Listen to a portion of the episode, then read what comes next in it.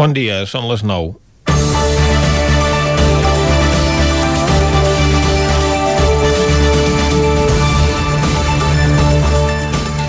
El Centre d'Investigacions Sociològiques s'ha investit en les negociacions per formar govern a falta de menys de 15 dies perquè s'activi l'automatisme per tornar a celebrar eleccions a Catalunya.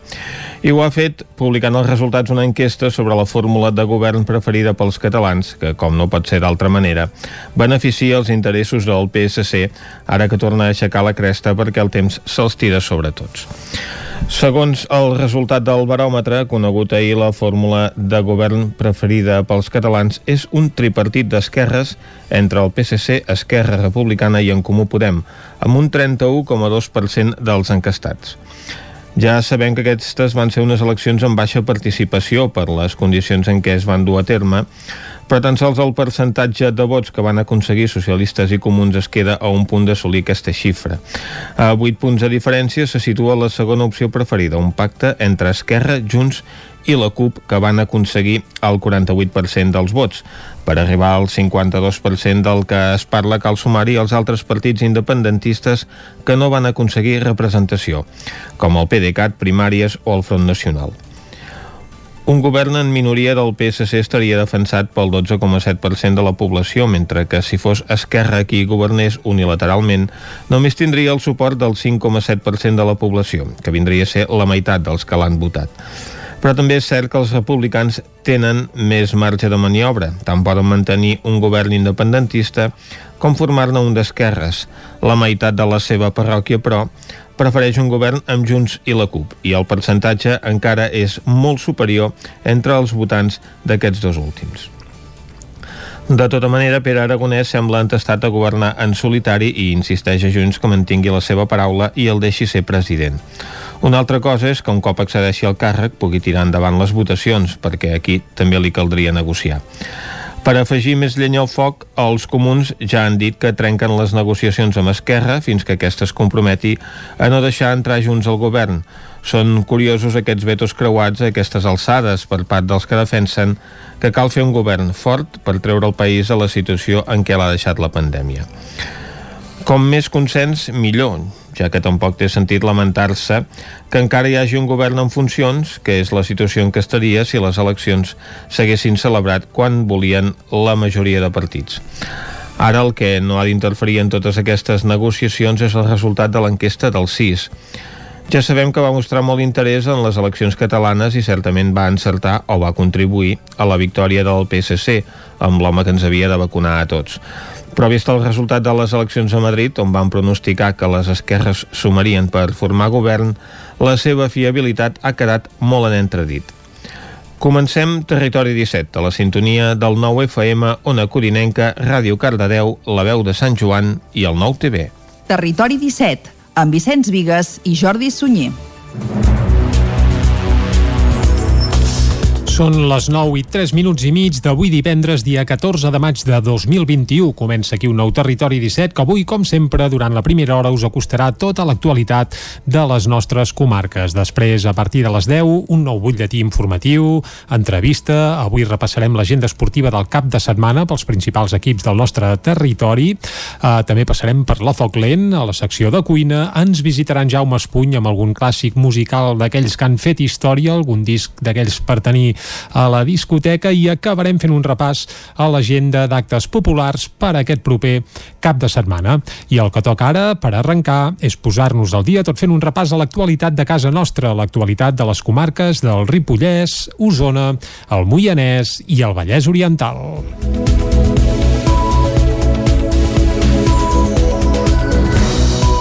Tot i la Covid-19, les llistes d'espera es van reduir l'any passat al Consorci Hospitalari de Vic.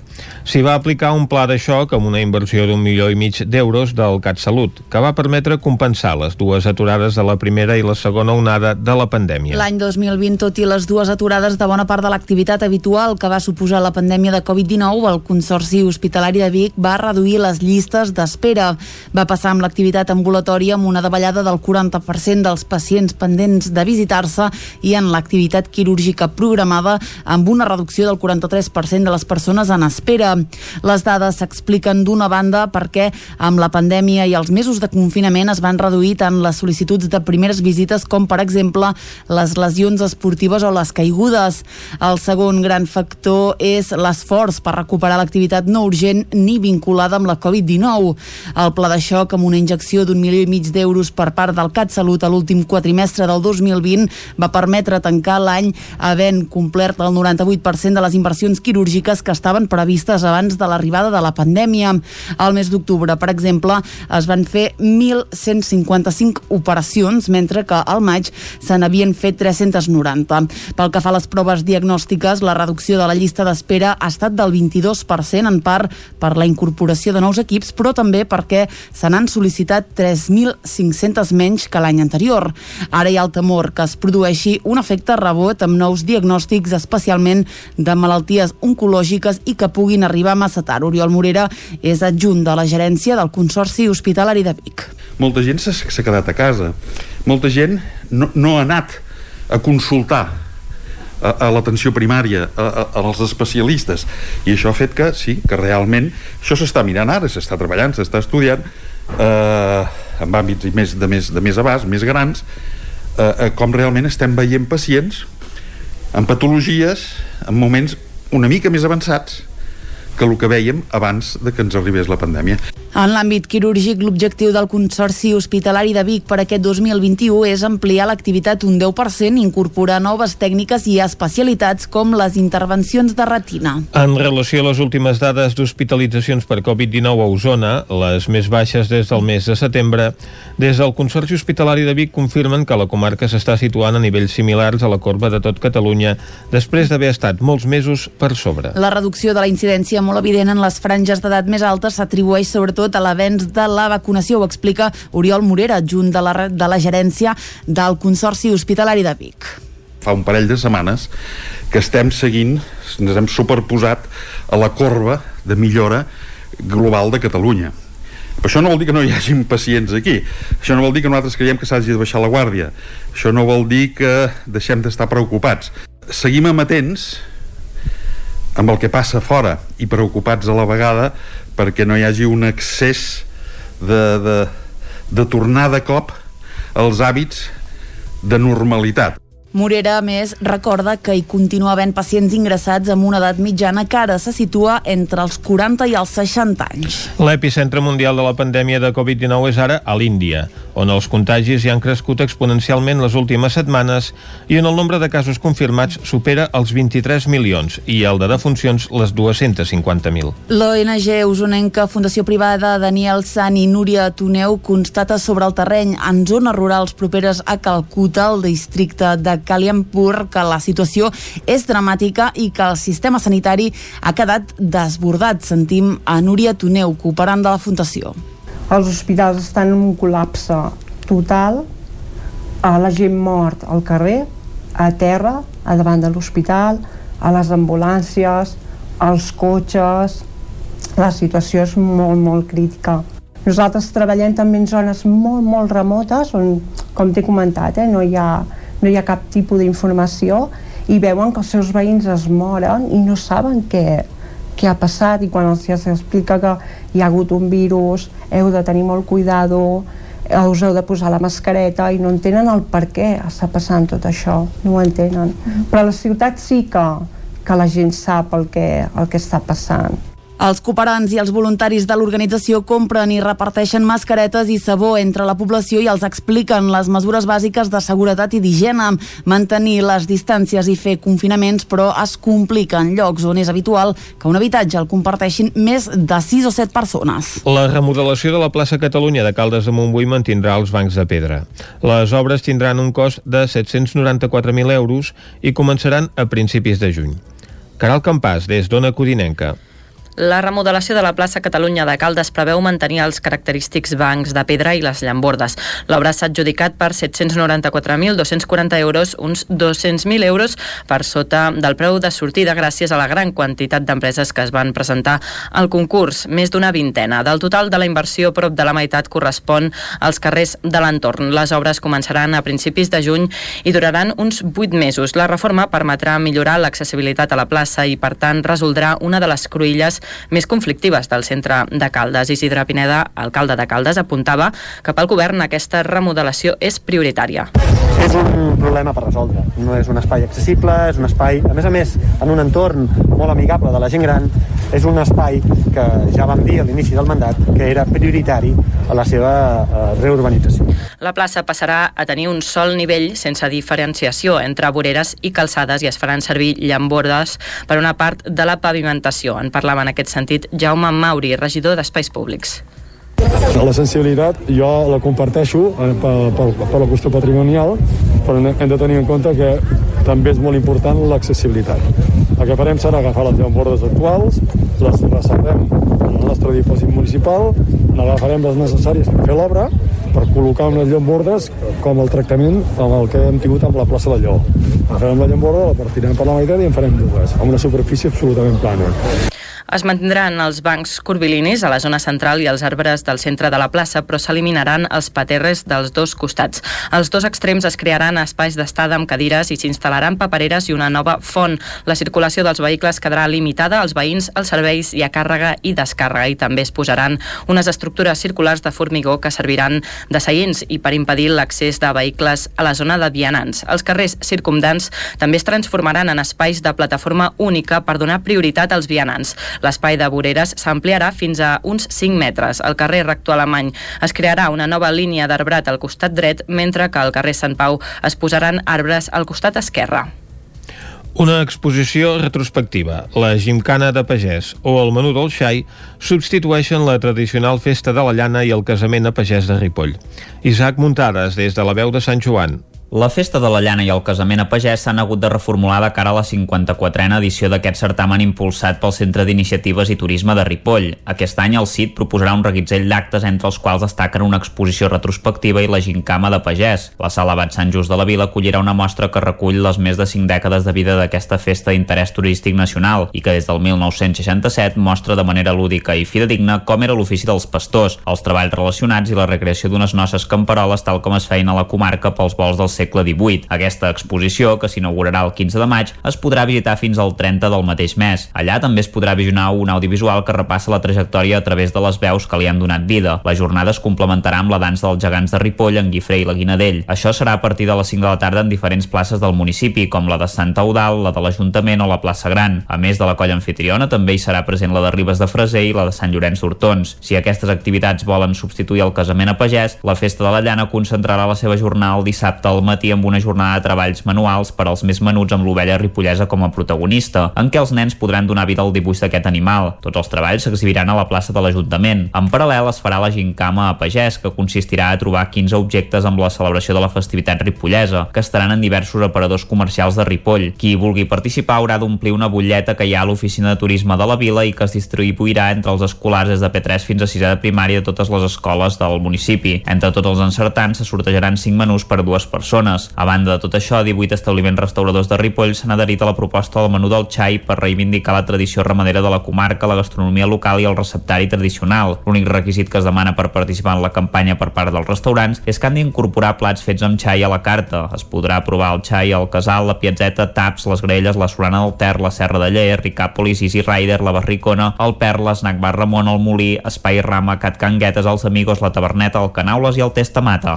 La Junta del Vilamagore Medieval de Sant Pere de Vilamajor fixa el mes de novembre per tornar a celebrar la festa preveient que serà presencial. David Auladell, de Ràdio Televisió, Cardedeu. Dissabte l'Assemblea van prendre aquesta decisió mig any vista, ja que la data de la celebració és el primer cap de setmana de novembre i no se sap com estaran les restriccions. Roy Salom, president de l'entitat Vilamagore Medieval. Bé, el nostre objectiu aquest any és que Vilamagore celebri sí o sí.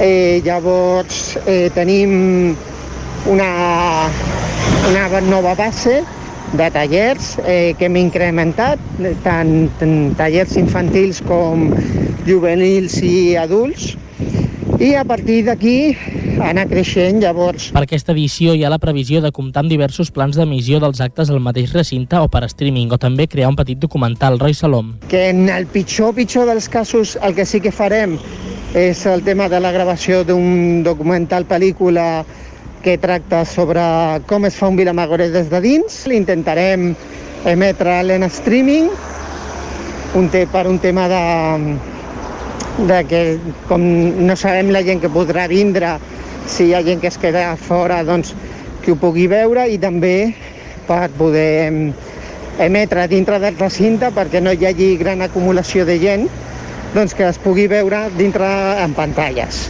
Hi haurà també paradetes, en principi, si ens deixen, i un... encara que estaran limitades, no serà com anys enrere, llavors eh, tindran el seu espai, eh, només hi seran en una banda de, del carrer per evitar aglomeracions. L'any passat es va decidir tirar endavant la celebració i es van presentar fins a cinc plans. Al final es va haver de suspendre. A l'assemblea de dissabte passat es va aprovar el nomenament del nou president de l'entitat després de la dimissió de Marta Garcia. Roy Salom era fins ara vocal de la Junta i va ser l'únic candidat a la presidència. L'organització de la Fira d'Herbes Remeieres de Vilanova de Sau ha decidit suspendre de nou la fira que havia de tenir lloc el primer diumenge de juny. L'edició passada ja s'havia suspès per culpa de la Covid. Aquest any tocava l'edició número 30 i es volia fer una fira especial celebrant aquestes tres dècades d'història. Des de l'organització, però, expliquen que la situació actual d'incertesa no els permetia preparar i organitzar la fira amb la dedicació i treball que calia i és per això que aquesta setmana han decidit suspendre l'edició d'enguany i emplaçar a tothom al 2022 per celebrar, diuen, com es mereix la trentena edició de la Fira d'Herbes Remeieres de Vilanova de Sau. I fins aquí el butlletí informatiu que us hem ofert amb Vicenç Vigues, Clàudia Dinarès, David Auladell, Caral Campàs i Isaac Muntades. Ara arriba el moment de saber el temps que ens espera tant per avui com per tot el cap de setmana.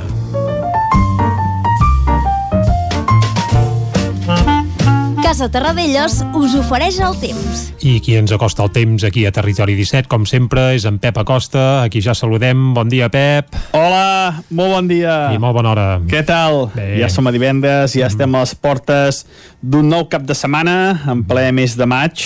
Les temperatures han pujat, eh, sí que hi ha hagut més núvols tota la nit i això fa que, clar, les temperatures pugin i les mínimes moltes han estat per sobre els 10 graus, unes temperatures eh, força, força suaus. Hi ha núvols, n'hi hauran al llarg de bastantes hores al dia d'avui, però no deixaran pas eh, gaires precipitacions. Eh, jo em pensava que sí, però veig a última hora que mica a mica es va desgastant i aquest front... Els núvols són per un front que ens està passant, un front atlàntic molt poc actiu, eh, però bueno, eh, és un front, almenys és un front que està passant. Mm -hmm. Uh, el seu pas està deixant també vent de nord. És més destacable cap a les zones del Pirineu, tot i que no bufa molt, molt fort, eh? Aquestes hores, entre 40 50 km per hora, més o menys, durant la tarda es pot intensificar aquest vent, sobretot les zones més altes del Pirineu, també les zones més altes de la serrada, de la serrada uh, prelitoral, uh, cops de vent de fins a 70-80 km per hora, que s'accentuarà, com deia, a la tarda. Al vespre també poden caure quatre gotes, sobretot a, a les zones de muntanya, de les guilleries de Montseny, no es descarten quatre gotes, però no sé pas si cauran. Les temperatures bastant a ratlla, no pujaran molt. La majoria entre els 18 i els 22 graus de màxima. De cara a demà, de cara a demà dissabte, molts núvols prims, molts núvols mitjans, uh, mala visibilitat, uh, tot i això no plourà, no crec que plogui durant tot el dia, i les temperatures una mica més altes, sobretot les màximes. Uh, hi haurà més estones de sol, i això farà que les temperatures pugin. Les mínimes, pel contrari, baixaran, ja que la nit de divendres a dissabte no estarà tan ennubulat. I de cada diumenge, un temps molt semblant a la dissabte, núvols, sobretot prims, eh, alts, mitjans també, mala visibilitat, una mica d'humitat en l'ambient, i diumenge L'única novetat és que hi haurà més tempestes a tarda, més tempestes a zones de muntanya, que afectaran sobretot al Pirineu. Tempestes, la seva majoria, poc importants, entre el 0 i els 5 litres. I les temperatures de diumenge molt semblants, molt semblants a les de dissabte. Eh? Les mínimes, la majoria entre els 5 i els 10 graus, les màximes 18, 22, eh, poder mm. els jocs més càlids al prelitoral s'enfilaran 23, 24 graus. Temperatures, jo diria, bastant normals per l'època de l'any, poder una mica, una mica més baixes, molt poc, molt poc del que hauria de ser, del que hauria de ser normal. I el vent, el vent de nord, que avui entrarà i es reforçarà cada tarda, desapareixerà al cap de setmana, eh, règim de marinades, eh, fluixes, com a molt, algun cop moderat, molt poca, molt poca incidència pel que fa al vent de cara al cap de setmana. Uh mhm. -huh. Això, serà un cap de setmana també pel que fa al temps sense pena ni, ni glòria, eh? en tots els aspectes serà un cap de setmana molt pla, eh, molt normal. Esperem que, que passi bé el cap de setmana segur, segur. i que dilluns veiem quin temps farà, que sembla que la setmana que ve mm, serà una mica més fred del normal i poder amb una mica més de precipitació però bueno, jo ja no ho sé perquè ja no ho vaig dient i no passa, jo crec que ja eh? tinc més ganes que no pas la... que passi de debò eh? però, però bueno, anirem veient què tal tot moltes gràcies i bon cap de setmana. Adeu. Mira, igualment, en Pep, que es mor de ganes de que hi hagi pluges importants, però per molt que ens les prediu, no acaben de caure. Quatre gotes sí, eh? però a la cinquena, a la cinquena li costa. Molt bé, tanquem aquí el bloc meteorològic. Anem ara cap al quiosc. Casa Tarradellas us ha ofert aquest espai. Territori 17. Envia'ns les teves notes de veu per WhatsApp al 646 079 023. 646 079 023. WhatsApp Territori 17.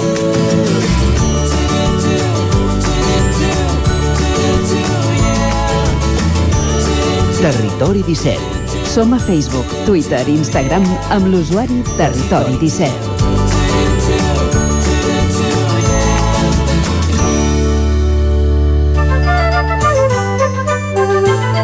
I ara arriba el moment de fer un recorregut per les portades del dia, que comencem amb el 9-9 d'Osona i el Ripollès. Clàudia. Molt bon dia de nou, doncs sí, comencem amb el 9-9 que diu una vintena de detinguts a Vic per la falsificació de carnets de conduir. Tres són membres de la xarxa i la resta van pagar més de 4.000 euros per obtenir-ne un. A la imatge, l'experiència al servei del Museu de la Torneria. Una dotzena de voluntaris que fa 8 anys van dos cops per setmana al Museu de la Torneria reparar i posar en ordre de la marxa a la, la vella, en marxa, perdoneu, la vella maquinària del museu són els protagonistes del diari d'aquest divendres. Més titulars, Vic serà l'epicentre del desplegament de la tecnologia 5G a la Catalunya central. A Esquerra, Junts per Torelló, de Torelló acosta posicions amb la CUP després de descartar l'entrada del PSC al govern i 3 de cada 10 usonencs i ripollesos ja han rebut la primera dosi de la vacuna. Repassem ara la premsa catalana. Anem directes al punt avui que diu mouen fitxa Junts per Catalunya sobre a pactar un govern i a negociar l'estratègia en paral·lel. L'Esquerra Republicana manté l'exigència de començar amb urgència amb un govern en solitari i els comuns trenquen amb els republicans fins que no abjurin de Junts. A la imatge, la violència, la violència ètnica pren els carrers d'Israel. La policia no pot aturar les pallisses grupals a les ciutats on conviuen àrabs i jueus. Vacunes pels menors de 40 anys al juliol és un altre dels titulars del punt avui que també diu 50 policies a un pas de ser jutjats per les càrregues de l'1 d'octubre. Anem al diari ara que diu sprint de vacunació amb 13 milions de Pfizer. Aquesta arribada massiva al juny farà augmentar l'administració de dosis setmanals d'1,7 a 2,7 milions. A la imatge, als Estats Units Units ja vacunen nens i nenes de 12 anys. En política, els comuns trenquen negociacions amb Esquerra i l'oposició burxa en la divisió independentista i en clau internacional Israel inicia una operació militar terrestre i aèria contra Gaza. Anem al periòdico que diu el cotxe de combustió sentenciat per llei. El Congrés aprova la norma sobre canvi climàtic que prohibeix vendre vehicles dièsel i gasolina al 2040. A la imatge qui apareix és el cap de Medicina Intensiva de l'Hospital del Mar que diu que algunes persones es pensen que a ells no els hi passarà. La Covid, diu, encara és una amenaça i el relat dels que l'han patit ajuda en la lluita. En clau internacional, la violència s'estén a Israel, a ciutats on conviuen àrabs i jueus, i en política la ruptura dels comuns amb Esquerra complica més la investidura. Anem acabant, anem a l'avantguàrdia que diu l'arribada de vacunes fa un nou salt, 17 milions de dosis al juny. A la imatge, Israel amenaça Gaza amb una invasió terrestre. El Banc d'Espanya, canviem de tema, demana més ajuts i un pla de reformes i tensa espera d'Esquerra i Junts per veure qui cedeix abans en la negociació. Anem a veure de què parlen els diaris de Madrid. Som-hi, anem al país que diu la violència entre jueus i àrabs es talla a Israel en ple conflicte amb Gaza. Els alumnes tindran, hauran de seguir amb mascareta i distància de seguretat el proper curs. És un dels titulars de la premsa espanyola. Quatre comunitats tenen menys d'una mort al dia per Covid i la ruptura dels comuns amb Esquerra agreuja el bloqueig polític a Catalunya. El Mundo del Constitucional treu a Redondo del CNI i qüestiona els decret lleis. A la imatge tornen d'Afganistan els últims militars eh, i diu així serà el curs que ve, més alumnes per aula i amb mascareta. El Banc d'Espanya alerta del risc de despoblació del 42% dels municipis. Anem a la raó que obre amb la mateixa imatge que el Mundo, aquesta benvinguda als soldats que tornen a Espanya d'Afganistan i eh, la raó diu benvinguda als nostres herois. En política diu el PP visualitzarà l'absorció de ciutadans en una convenció. El Tribunal Constitucional evidencia que es va colar Iglesias al CNI i parla d'un nou plan de vacunes. Diu menors de 12 a 16 anys i embarassades. Acabem, com sempre, amb l'ABC, que diu el Tribunal Constitucional tomba l'entrada d'Iglesias i Redondo a la comissió del CNI i a la imatge Marlaska rebutja investigar l'aparell paral·lel de seguretat de Podemos. Diu dues persones vinculades a aquest grup van ser detingudes per l'atac de Vox a Vallecas. Amb una imatge curiosa, passada a blanc i negre i on queda només en color aquest membre de la seguretat de Podemos que està en primera fila en aquest enfrontament amb la policia contra un acte de Vox a Vallecas. Després d'aquest recorregut a les portades dels diaris eh, d'aquest divendres, nosaltres el que farem ara és una petita pausa.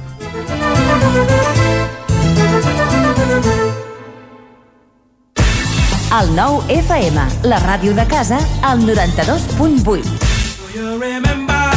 Automòbils Pla de Vall. Som una empresa familiar amb 36 anys d'experiència en la compra-venda de cotxes nous, seminous i d'ocasió. Els nostres vehicles són completament revisats abans de la seva entrega al client, amb els manteniments al dia i amb garantia personalitzada. Finançament a mida del client. Vine a Automòbils Pla de Vall i t'assessorarem.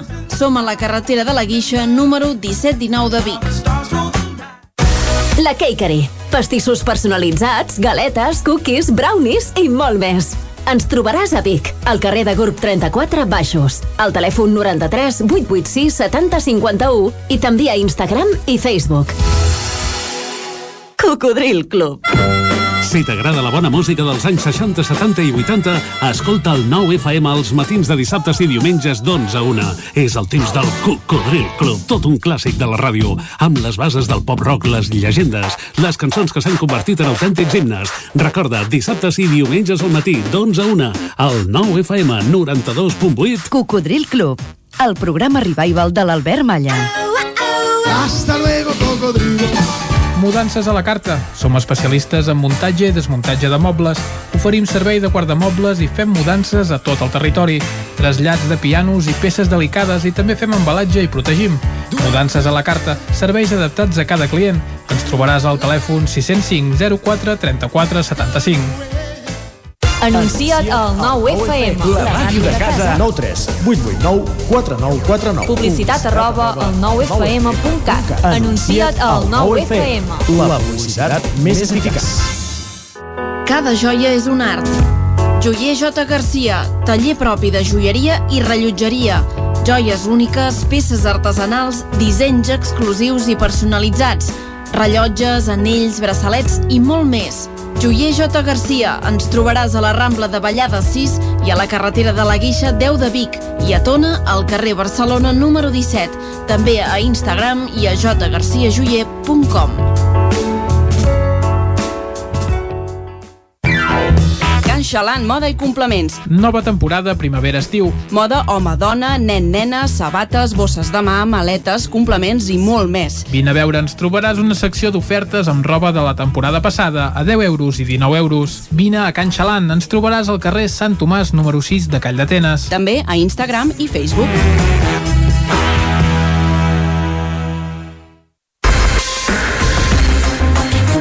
El nou FM, la ràdio de casa, al 92.8.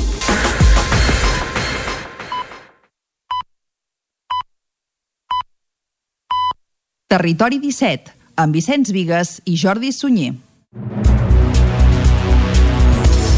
Són dos quarts de deu en punt d'avui divendres, dia 14 de maig de 2021. Seguim en directe aquí a Territori 17 i de seguida us acostarem, com sempre, tota l'actualitat de les nostres comarques. Després, a partir de les 10, més informació. A l'entrevista avui anirem cap a la veu de Sant Joan per conèixer amb detall el Bike Park de Ripoll, aquest projecte que genera certa controvèrsia a la capital del Ripollès. Després, avui, com que som divendres, també repassarem l'agenda esportiva del cap de setmana pels principals els equips del nostre territori i acabarem fent un repàs a l'agenda festiva per aquest proper cap de setmana, marcada ja per la fi de confinaments i restriccions comarcals. Per tant, tothom pot anar en principi amb les mesures que calgui doncs, a tot arreu.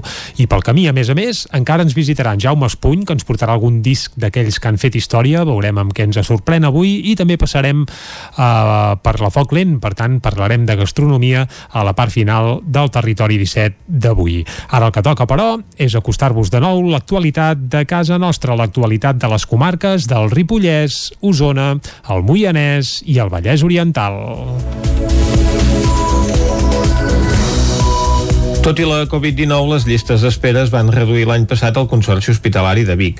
S'hi va aplicar un pla de xoc amb una inversió d'un milió i mig d'euros del CatSalut, que va permetre compensar les dues aturades de la primera i la segona onada de la pandèmia. L'any 2020, tot i les dues aturades de bona part de l'activitat habitual que va suposar la pandèmia de Covid-19, el Consorci Hospitalari de Vic va reduir les llistes d'espera. Va passar amb l'activitat ambulatòria amb una davallada del 40% dels pacients pendents de visitar-se i en l'activitat l'activitat quirúrgica programada amb una reducció del 43% de les persones en espera. Les dades s'expliquen d'una banda perquè amb la pandèmia i els mesos de confinament es van reduir tant les sol·licituds de primeres visites com, per exemple, les lesions esportives o les caigudes. El segon gran factor és l'esforç per recuperar l'activitat no urgent ni vinculada amb la Covid-19.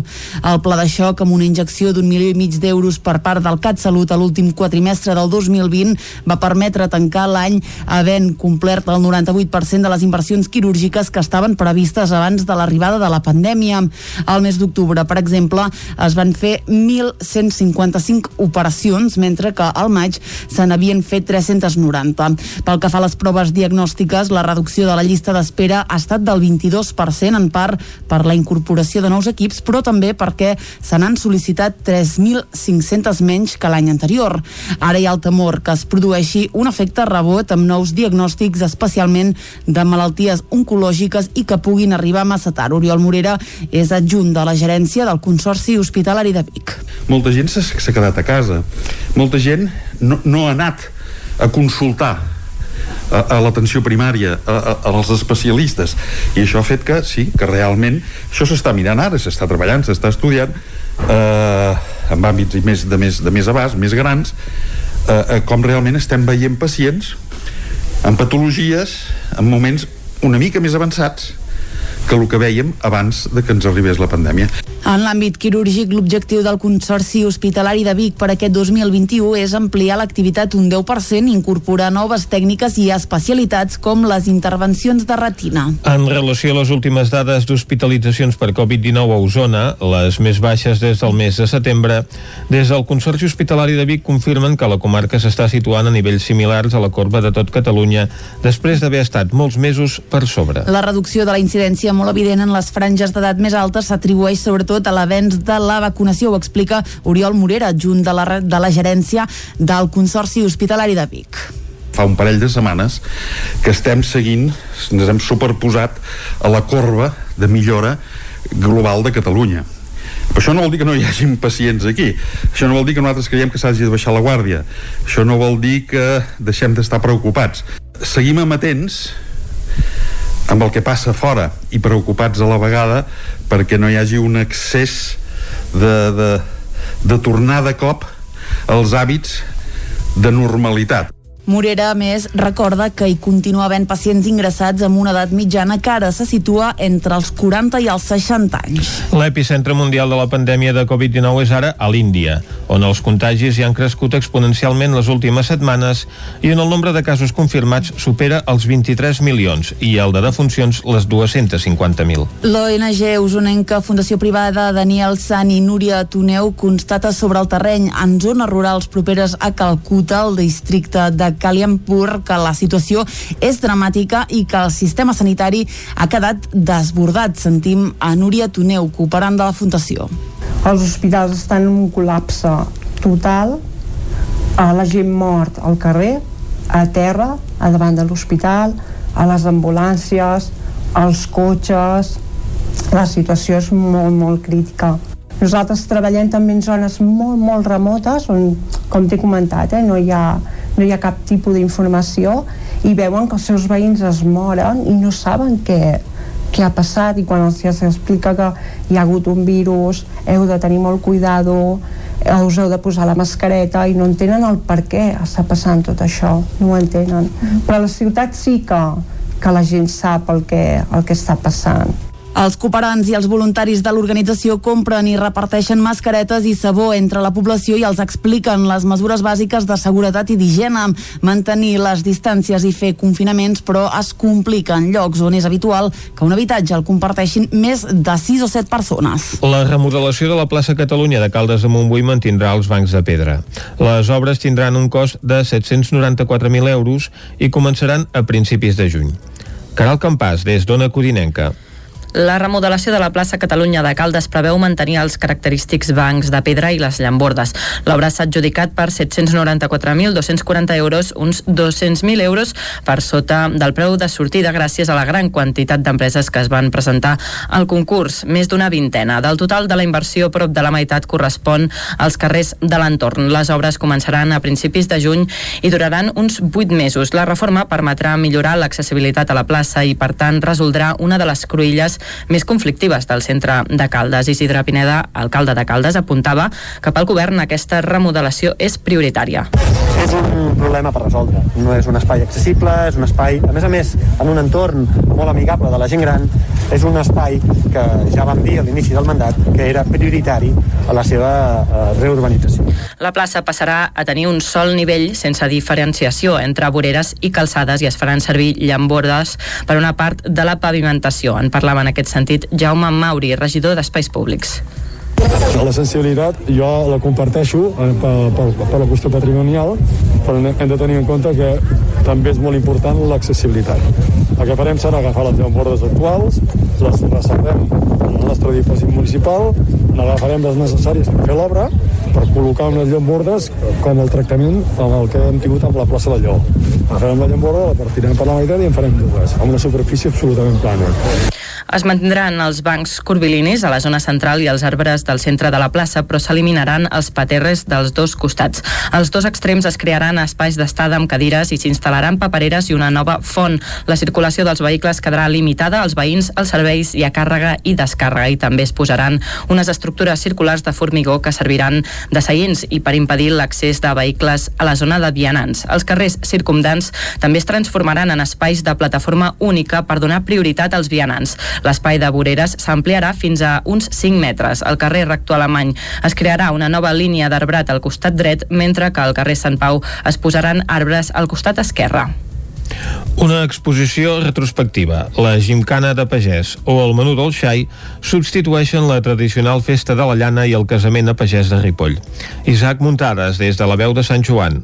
La festa de la llana i el casament a pagès s'han hagut de reformular de cara a la 54a edició d'aquest certamen impulsat pel Centre d'Iniciatives i Turisme de Ripoll. Aquest any el CIT proposarà un reguitzell d'actes entre els quals destaquen una exposició retrospectiva i la gincama de pagès. La sala Bat Sant Just de la Vila acollirà una mostra que recull les més de 5 dècades de vida d'aquesta festa d'interès turístic nacional i que des del 1967 mostra de manera lúdica i fidedigna com era l'ofici dels pastors, els treballs relacionats i la recreació d'unes noces camperoles tal com es feien a la comarca pels vols dels segle XVIII. Aquesta exposició, que s'inaugurarà el 15 de maig, es podrà visitar fins al 30 del mateix mes. Allà també es podrà visionar un audiovisual que repassa la trajectòria a través de les veus que li han donat vida. La jornada es complementarà amb la dansa dels gegants de Ripoll, en Guifré i la Guinadell. Això serà a partir de les 5 de la tarda en diferents places del municipi, com la de Santa Eudal, la de l'Ajuntament o la plaça Gran. A més de la colla anfitriona, també hi serà present la de Ribes de Freser i la de Sant Llorenç d'Hortons. Si aquestes activitats volen substituir el casament a pagès, la Festa de la Llana concentrarà la seva jornada el dissabte al matí amb una jornada de treballs manuals per als més menuts amb l'ovella ripollesa com a protagonista, en què els nens podran donar vida al dibuix d'aquest animal. Tots els treballs s'exhibiran a la plaça de l'Ajuntament. En paral·lel es farà la gincama a pagès, que consistirà a trobar 15 objectes amb la celebració de la festivitat ripollesa, que estaran en diversos aparadors comercials de Ripoll. Qui vulgui participar haurà d'omplir una butlleta que hi ha a l'oficina de turisme de la vila i que es distribuirà entre els escolars des de P3 fins a 6 de primària de totes les escoles del municipi. Entre tots els encertants se sortejaran 5 menús per dues persones. A banda de tot això, 18 establiments restauradors de Ripoll s'han adherit a la proposta del menú del xai per reivindicar la tradició ramadera de la comarca, la gastronomia local i el receptari tradicional. L'únic requisit que es demana per participar en la campanya per part dels restaurants és que han d'incorporar plats fets amb xai a la carta. Es podrà provar el xai, el casal, la piazzeta, taps, les grelles, la solana del Ter, la Serra de Lleer, Ricàpolis, Easy Rider, la Barricona, el Perla, Snack Bar Ramon, el Molí, Espai Rama, Cat Canguetes, els Amigos, la Taberneta, el Canaules i el Testamata.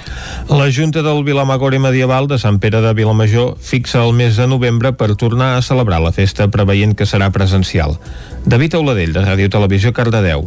Dissabte l'Assemblea van prendre aquesta decisió a mig any vista, ja que la data de la celebració és el primer cap de setmana de novembre i no se sap com estaran les restriccions.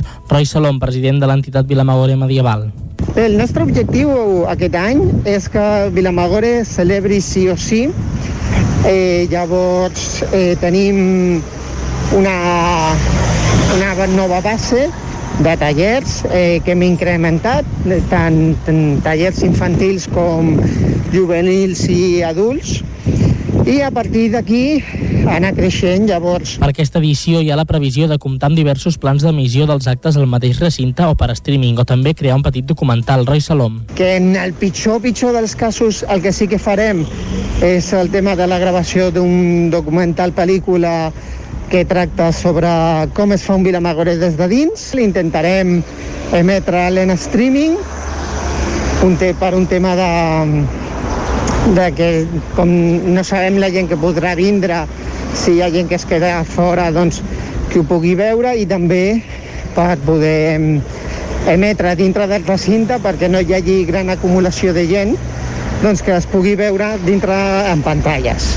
Hi haurà també paradetes, en principi, si ens deixen, i un...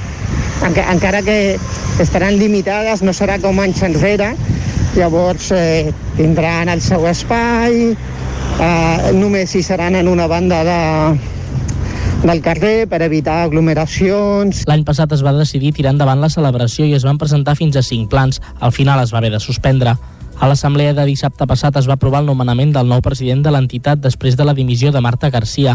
Roy Salom era fins ara vocal de la Junta i va ser l'únic candidat a la presidència. L'organització de la Fira d'Herbes Remeieres de Vilanova de Sau ha decidit suspendre de nou la fira que havia de tenir lloc el primer diumenge de juny. L'edició passada ja s'havia suspès per culpa de la Covid. Aquest any tocava l'edició número 30 i es volia fer una fira especial celebrant aquestes tres dècades d'història.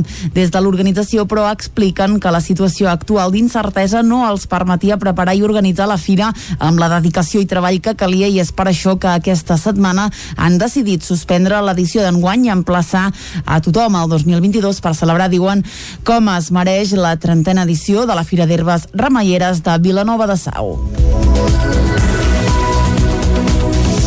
I fins aquí el butlletí informatiu que us hem ofert amb Vicenç Vigues, Clàudia Dinarès, David Auladell, Caral Campàs i Isaac Muntades. Ara arriba el moment de saber el temps que ens espera tant per avui com per tot el cap de setmana.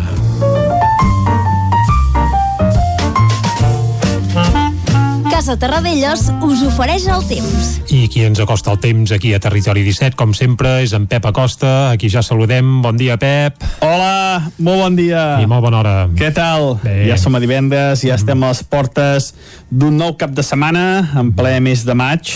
Les temperatures han pujat, eh, sí que hi ha hagut més núvols tota la nit i això fa que, clar, les temperatures pugin i les mínimes moltes han estat per sobre els 10 graus, unes temperatures eh, força, força suaus. Hi han núvols, n'hi hauran al llarg de bastantes hores al dia d'avui, però no deixaran pas eh, gaires precipitacions. Eh, jo em pensava que sí, però veig a última hora que mica mica es va desgastant i aquest front...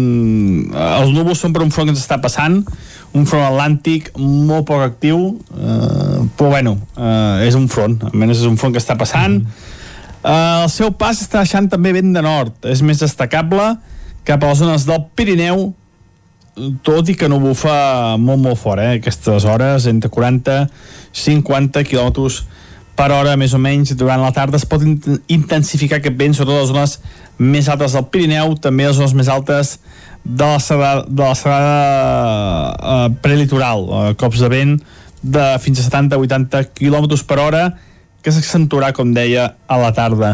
Al vespre també poden caure quatre gotes, sobretot a, a les zones de muntanya, de les Guilleries de Montseny, no es descarten quatre gotes, però no sé pas si cauran. Les temperatures bastant a ratlla, no pujaran molt. La majoria entre els 18 i els 22 graus de màxima. De cara a demà, de cara a demà dissabte, molts núvols prims, molts núvols mitjans, eh, mala visibilitat, eh, tot i això no plourà, no crec que plogui durant tot el dia, i les temperatures una mica més altes, sobretot les màximes. Eh, hi haurà més estones de sol i això farà que les temperatures pugin.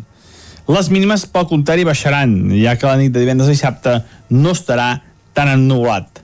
I de cada diumenge, un temps molt semblant a la dissabte, núvols, sobretot prims, eh, alts, mitjans també, mala visibilitat, una mica d'humitat en l'ambient i diumenge l'única novetat és que hi haurà més tempestes a tarda, més tempestes a zones de muntanya que afectaran sobretot al Pirineu. Tempestes, la seva majoria, poc importants, entre el 0 i els 5 litres.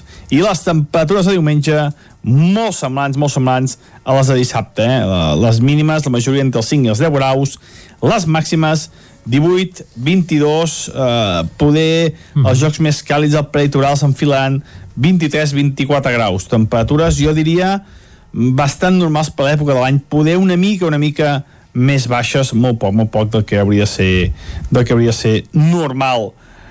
I el vent, el vent de nord, que avui entrarà i es reforçarà cada tarda, desapareixerà el cap de setmana, eh, vegin de marinades, eh, fluixes, com a molt algun cop moderat, molt poca, molt poca incidència pel que fa al vent de cara al cap de setmana. Uh mhm. -huh. Això, serà un cap de setmana també pel que fa al temps sense pena ni, ni glòria, eh? en tots els aspectes serà un cap de setmana molt pla, eh, molt normal. Esperem que, que passi bé el cap de setmana segur, segur. i que dilluns veiem quin temps farà, que sembla que la setmana que ve mm, serà una mica més fred del normal, i poder amb una mica més de precipitació però bueno, jo ja no ho sé perquè ja no ho vaig dient i no passa, jo crec que ja eh? tinc més ganes que no pas la... que passi de debò eh? però, però bueno, anirem veient què tal tot moltes gràcies i bon cap de setmana. Adéu. I, uh, igualment, en Pep, que es mor de ganes de que hi hagi pluges importants, però per molt que ens les prediu, no acaben de caure. Quatre gotes sí, eh? però a la, cinquena, a la cinquena li costa. Molt bé, tanquem aquí el bloc meteorològic, anem ara cap al quiosc. Casa Tarradellas us ha ofert aquest espai. Territori 17. Envia'ns les teves notes de veu per WhatsApp al 646 079 023. 646 079 023. WhatsApp Territori 17.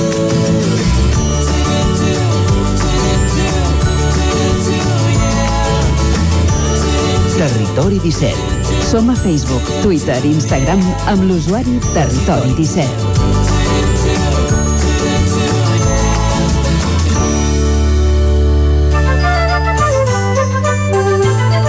I ara arriba el moment de fer un recorregut per les portades del dia, que comencem amb el 9-9 d'Osona i el Ripollès. Clàudia. Molt bon dia de nou, doncs sí, comencem amb el 9-9 que diu una vintena de detinguts a Vic per la falsificació de carnets de conduir.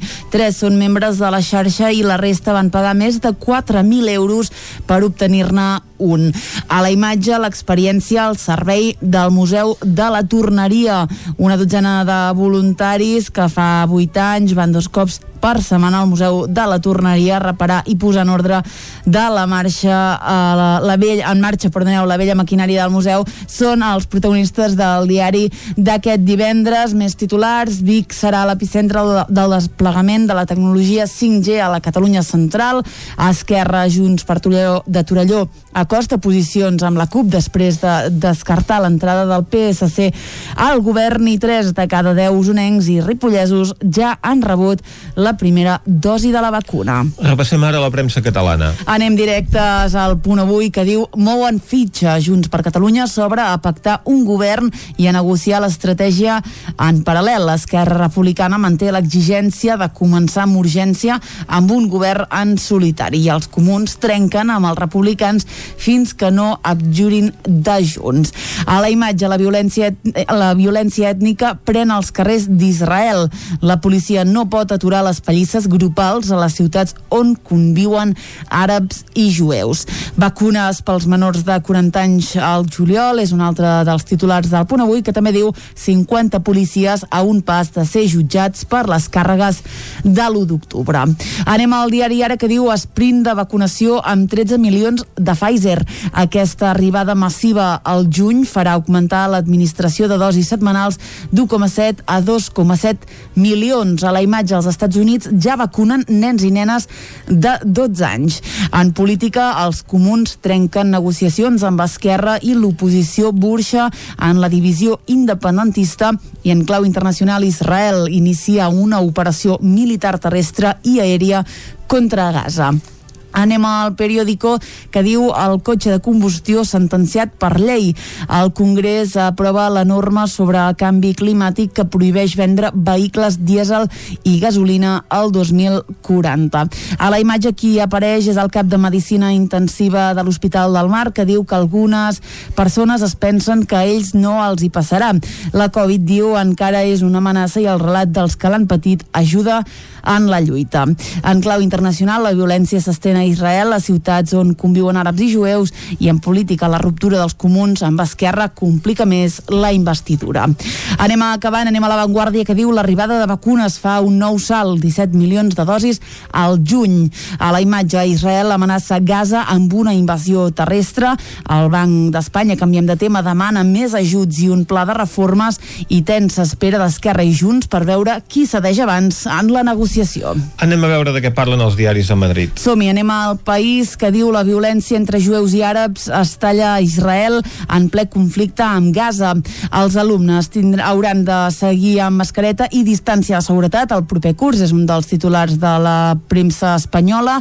Quatre comunitats tenen menys d'una mort al dia per Covid i la ruptura dels comuns amb Esquerra agreuja el bloqueig polític a Catalunya. El Mundo, el Constitucional treu a Redondo del CNI i qüestiona els decret lleis. A la imatge tornen d'Afganistan els últims militars eh, i diu així serà el curs que ve, més alumnes per aula i amb mascareta. El Banc d'Espanya alerta del risc de despoblació del 42% dels municipis. Anem a la raó que obre amb la mateixa imatge que el Mundo, aquesta benvinguda als soldats que tornen a Espanya d'Afganistan i eh, la raó diu benvinguda als nostres herois. En política, diu, el PP visualitzarà l'absorció de Ciutadans en una convenció. El Tribunal Constitucional evidencia que es va colar Iglesias al CNI i parla d'un nou plan de vacunes. Diu menors de 12 a 16 anys i embarassades. Acabem, com sempre, amb l'ABC que diu el Tribunal Constitucional tomba l'entrada d'Iglesias i Redondo a la comissió del CNI i a la imatge Marlaska rebutja investigar l'aparell paral·lel de seguretat de Podemos. Diu, dues persones vinculades a aquest grup van ser detingudes per l'atac de Vox a Vallecas. Amb una imatge curiosa, passada a blanc i negre i on queda només en color aquest membre de la seguretat de Podemos que està en primera fila en aquest enfrontament amb la policia contra un acte de Vox a Vallecas. Sí, ves que no sigui fet una mica expressament tot plegat, eh? Uh, el, el muntatge, no? El muntatge, correcte, com, com ja ens té acostumats segons quin mitjà. Uh, Exacte, segons de com venen les bufetades. Uh, correcte, digue'm... Bé, tant és. Anava, a dir, anàvem un pèl més enllà, però digue'm qui diu segons què, ja et diré la credibilitat i el que hi ha al darrere, però ara no és el moment de parlar o analitzar el periodisme que es cou sobretot en alguns mitjans, sinó que és el moment de parlar de música, que així distensionem i destensionem una mica el, el panorama i uh -huh. uh, suposo que recordes, Vicenç, que ahir vam parlar que a Roda de Ter ha començat ja el festival Encanta, un festival Exacte. dedicat a cantautors i cantautores, això sí, de petit format, eh? no trobarem cap banda allà amb 10 músics, sinó que tot és petit format, allò com a molt duet, algun trio, però bàsicament eh, a pèl, allò com els cantautors d'abans, doncs el festival ja va arrencar ahir, uh -huh. en vam parlar, va arrencar amb l'Alba Carmona i continua avui amb moltes més propostes, també demà dissabte i es claurà demà diumenge. Ahir ja vam escoltar Demà una d'aquelles... Demà passat, perdó, ja no sabem ni el dia que passem, però bé, ahir ja vam escoltar una d'aquelles joies que era en aquest cas la Lia Sampai, la vam descobrir aquí, espero que algú la descobreixi també en directe, i avui en descobrirem una altra de joia, uh, d'aquelles que no és gaire coneguda, però jo crec que d'aquí un temps pot ser que ens sentim a parlar i força. Eh? Es tracta de l'Ariana Abecassis. Uh -huh. uh, L'Ariana Abecassis és de la Seu d'Urgell, però se'n va anar a estudiar a Barcelona, allà uh -huh. va fer amistat, per exemple, amb algun músic usonenc que l'ha ajudat a fer els primers passos i també a enregistrar les primeres cançons. I l'Ariadna uh, aquest any ha tret el seu primer disc. És un disc que es diu Adiós no es para siempre uh, i tot plegat són cançons d'aquelles saps, de, de posar la pell de gallina i de tocar molt la fibra, doncs l'Ariana busca una mica aquest perfil, no? cançons molt orgàniques però alhora amb un treball així també una mica electrònic, amb unes atmosferes i unes bases tot curioses que la veritat és que valen molt la pena.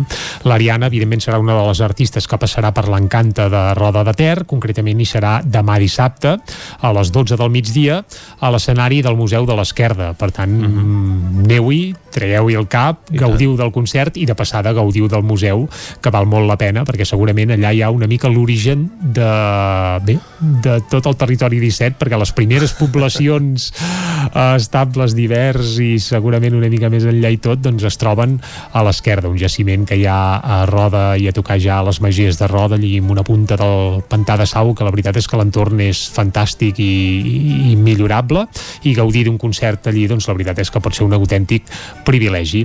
Doncs això, l'Ariana ABK6, que demà serà a les 12 del migdia a Roda de Ter, i ara, si et sembla, Vicenç, escoltarem el primer single del seu primer disc, que precisament el single és també de la cançó que dona nom al disc. Aquest Adiós no es para siempre és el títol del disc i és el títol també de la cançó que escoltarem ara, de l'Ariana ABK6, i amb ella arribarem fins al punt de les 10 aquí a Territori 17. Endavant, doncs. Doncs escoltem l'Ariana ABK6. Ya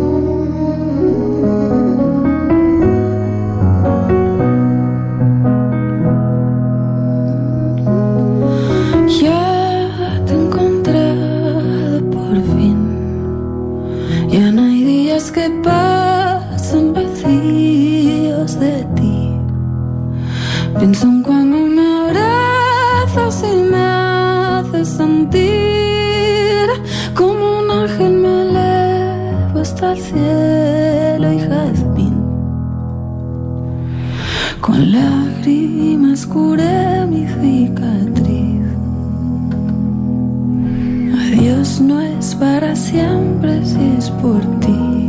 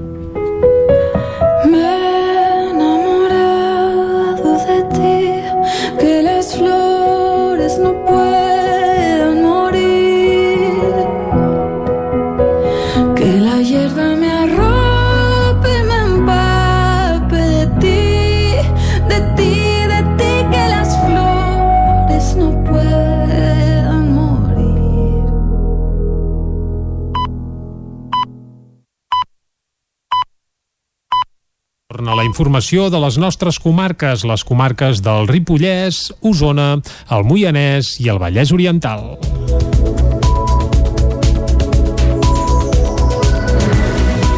Finalment, han estat 24 les persones detingudes a Osona des de dimarts en el marc de l'operatiu Loki per desmantellar una xarxa que distribuïa carnets de conduir falsos. Tres dels detinguts, entre els quals l'home arrestat dimarts al carrer Sant Antoni de Vic, formarien part de l'organització que tenia la cúpula establerta amb seu a Girona. Els altres 21 detinguts a la comarca serien persones que haurien pagat per obtenir el permís de conducció fals. L'operació conjunta de la Policia Nacional i els Mossos d'Esquadra s'ha tancat amb la detenció com a mínim de 522 persones a Catalunya i també se n'han detingut a altres llocs de l'Estat. El grup feia pagar entre 4.000 i 10.000 euros pels carnets dels que falsificaven l'expedient informatiu utilitzant dades de la Direcció General de Trànsit. La causa, oberta l'any 2020, ha identificat un total de 1.845 conductors que circulen amb aquest document pel que no han passat cap examen. El conseller d'Empresa i Coneixement, Ramon Tremosa, s'ha compromès a treballar activament per la reindustrialització de la planta de Bosch a Lliçà d'Amunt. David Auladell, de Ràdio Televisió Cardedeu.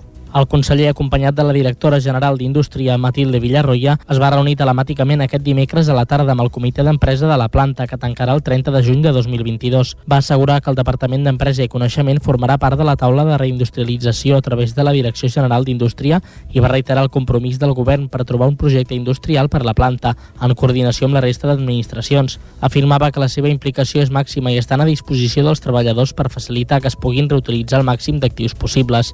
Des de desembre de l'any passat, la Conselleria participa també en la taula de reindustrialització de la planta de Bosch de Castellet i la Gornal i de la qual formen part el comitè d'empresa i la mateixa companyia.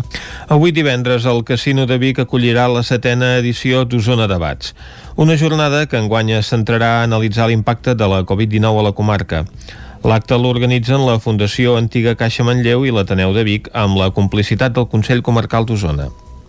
L'impacte de la Covid-19 és el títol de la jornada que avui divendres centrarà la setena edició d'Osona Debats. Pel Casino de Vic, durant tota la tarda, ponents de diversos sectors exposaran en quina situació els ha deixat la pandèmia i com afronten el futur.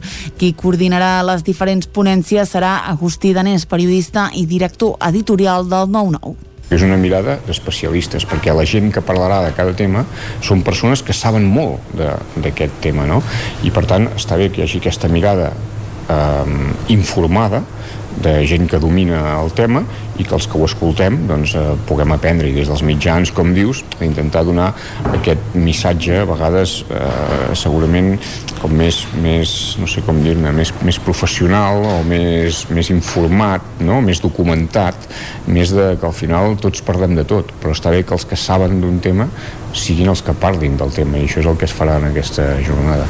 La directora assistencial del Consorci Hospitalari de Vic, Rosa Maria Morral, la tècnica de l'Observatori Socioeconòmic d'Osona, Sandra Álamo, o el sociòleg i vicerrector de Recerca i Transferència del Coneixement a la Universitat de Vic, Jordi Collet, seran alguns dels ponents de la jornada. L'acte organitzat per la Fundació Antiga Caixa Manlleu i l'Ateneu de Vic combinarà el format presencial amb el telemàtic, ho explica Cristina Vilaró, directora de la Fundació Antiga Caixa Manlleu. La modalitat que farem serà per via presencial, que llavors s'ha d'enviar un correu a la fundació arroba fundacióacm.cat per poder-vos eh, apuntar, diguem-ne, per poder ser allà presencialment i després per streaming també es podrà seguir a través del canal de YouTube de l'Ateneu de Vic. La cluenda anirà d'Osona Debats, eh, la cluenda d'Osona Debats anirà a càrrec de Joan Serra, redactor en cap de Nació Digital. Com és habitual, les aportacions de la jornada recolliran en una publicació que es distribuirà gratuïtament. Osona Famílies és el nou nom de l'Associació de Familiars de Malalts Mentals d'Osona. L'entitat ha fet front a un procés de canvi, ja no només del nom i del logotip, sinó també de serveis. Aquest dimecres el jurat es va reunir per decidir quina havia de ser la nova imatge de l'entitat que s'ha escollit en un concurs amb alumnes de l'Escola d'Art de Vic. La imatge guanyadora és obra de Clara Sánchez amb el lema On der Loop. El jurat, format per dos membres de l'associació, dos professors de l'Escola Superior de Disseny i d'Arts Plàstiques de Catalunya i un representant de l'Ajuntament de Vic, va triar la imatge vencedora d'entre 10 propostes. Sentim per aquest ordre Judit Castany, coordinadora d'Osona Famílies, i a Núria Oms, regidora de Benestar i Famílies de l'Ajuntament de Vic. La nostra vocació sempre ha estat les famílies. Portem 30 anys treballant per les famílies i durant aquests anys, veient les, els últims anys, les necessitats noves que han anat sorgint de demandes de famílies amb diferents problemàtiques, doncs ens ha obligat quasi bé a ampliar serveis i a donar resposta a totes aquestes famílies d'Osona que tenen qualsevol tipus de problema per tal de millorar la seva qualitat de vida, la seva salut mental. Com qualsevol altra entitat, no? doncs fa revisions, veu que realment l'envergadura i el suport a les famílies és un tema crucial i amplifiquen una mica doncs, aquesta mirada no? i decideixen fer aquest canvi, no només de logos, sinó també de, de visió i de projectes, és a dir, amplifiquen. I per nosaltres, com a Ajuntament, és, és molt gratificant no? que una entitat tingui aquesta voluntat d'abordar eh, d'una manera més global les situacions. L'ara l'objectiu de l'associació és, eh, rebatejada amb el nom d'Osona Famílies, és créixer i donar més i millors serveis. La primera dona lectora de Catalunya va ser una monja del monestir de Sant Joan de les Abadeses del segle X. Isaac Muntades, des de la veu de Sant Joan. Segons la publicació El canonge de Ganell de Vic, llavor de noves remenses, la cultura de la diòcesi d'Osona en els primers temps carolingis, escrita pels investigadors del Seminari de Paleografia, Codicologia i Diplomàtica de la Universitat Autònoma de Barcelona, Tània Alagi i Jesús Alturó, la primera dona lectora d'aquesta constància a Catalunya va ser una monja del segle X del monestir de Sant Joan de les Abadeses. Això ho han pogut saber després d'un intens treball de recerca en què han analitzat i documentat centenars de còdecs i documents de l'Arxiu Episcopal de Vic. Alaix va especificar que en l'època medieval la població tenia un alt percentatge d'analfabetisme i poca gent sabia llegir i escriure, i menys entre la població femenina. Riquell va ser la primera dona lectora amb nom i cognom, un fet que s'ha pogut demostrar gràcies a un inventari de l'any 979 de la Catedral de Vic en què s'indicava que tenia un llibre en préstec anomenat Liber Regum, el llibre dels reis. Alaix va remarcar la importància de la troballa. També hi trobareu la signatura autògrafa d'aquesta monja Riquell, que tenia el llibre en préstec, eh? I justament és eh, en aquest document de l'elecció de, de Dalets on ella hi signa de manera autògrafa perquè, doncs, a més a més de llegir, aquesta monja doncs, sabia escriure. Aquest nom realment és molt rellevant perquè hem de pensar que, per exemple, per tenir un testimoni d'una dona escriba professional, ens n'hem d'anar ja al segle XI de l'Alba de Vic, al segle XI, que l'any 1044 ens deixa per testimoni un document que escriu amb una magnífica escriptura carolina. Aquesta Alba, que era filla d'en Guibert i germana d'en de, Berill, homes de gran cultura, però ja al segle XI. Riquell recula en el temps i trobem aquesta dona culta en aquest monestir de Sant Joan de les Abadesses. El Turo també va apuntar que el monestir de Sant Joan de les Abadeses tenia algunes singularitats i va desmentir una creença sobre el nom amb qui tothom coneix l'abadesa fundadora. Sant Joan de les Abadeses era, com és sabut, un, un monestir femení de fundació com tal, perquè la primera abadesa, Em, una cosa que també hem pogut fer en el nostre estudi és intentar de restituir el nom autèntic dels personatges i l'abadesa es deia Em, no Emma, ni Emmo, ni Emmo, eh? Em. Era filla de Guifré el Pelós i, per tant, un monestir important perquè també la resta de la comunitat que formava part d'aquest monestir femení estava format per dones de famílies de l'alta noblesa. Aquestes dones estaven eh, immerses en una societat analfabeta, bàsicament analfabeta, però elles, elles mateixes tenien segurament un nivell superior al d'altres monges. A més, estaven envoltades de sacerdots i preveres que les atenien espiritualment i actuaven com a secretaris en els camps que requerien l'escriptura com les transaccions al mateix document de l'acte en què es fa el nomenament de la nova abadesa de Lets. El Festival de Titelles del Moianès es consolida en la seva cinquena edició i programarà espectacles a tots els pobles de la comarca. Caral Campàs, des d'Ona Codinenca. Durant tres setmanes el Moianès serà la referència del món titellaire. Companyies de tot el país duran a terme actuacions repartides per primera vegada entre els 10 pobles de la comarca. Després de la passada edició marcada per la pandèmia, aquest any des de l'organització s'han vist valents per fer un pas endavant i assolir un dels objectius que tenien a mitjà termini, portar el festival a tots els municipis de la comarca. Carles Canyelles, director del festival, explicava que es donarà el tret de sortida a Castellterçol. Unes eh, gairebé tres setmanes de, de programació. I anàvem palmant de poble en poble, és a dir, eh, comencem per Castellterçol i anirem passant així eh, la seqüència dels 10 pobles.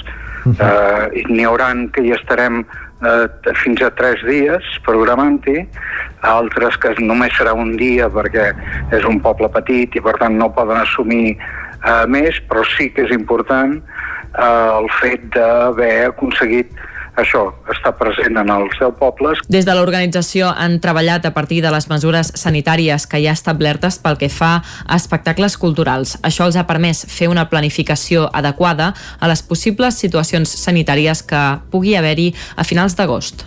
eh, però aquest any ja anem sobrevist i per tant pràcticament tota la programació és exterior la qual cosa ens facilita eh, temes com aforament, eh, sanitat i tota la, la història aquesta. Eh, jo crec que sí, vaja, que no hi hauria d'haver més problema si ens atenim a, a les eh, normes que, que el Procicat està mantenint com a constants al llarg del temps. La programació definitiva del Festival de Titelles del Moianès es presentarà el proper mes de juny amb el cartell del festival. I fins aquí el butllet informatiu de les 10 del matí que us hem ofert amb Vicenç Vigues, Clàudia Dinarès, David Auladell, Caral Campàs i Isaac Muntades. I ara, abans d'anar cap a l'entrevista, fem una nova ullada al temps.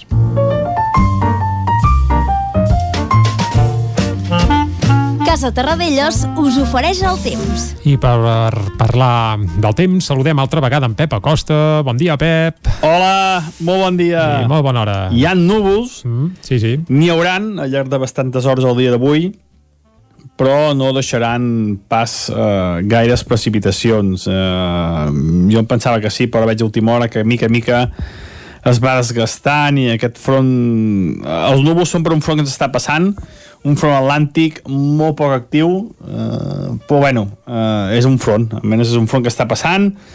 Eh, el seu pas està deixant també vent de nord, és més destacable cap a les zones del Pirineu, tot i que no bufa molt, molt fort. Eh? Les temperatures bastant a ratlla, no pujaran molt.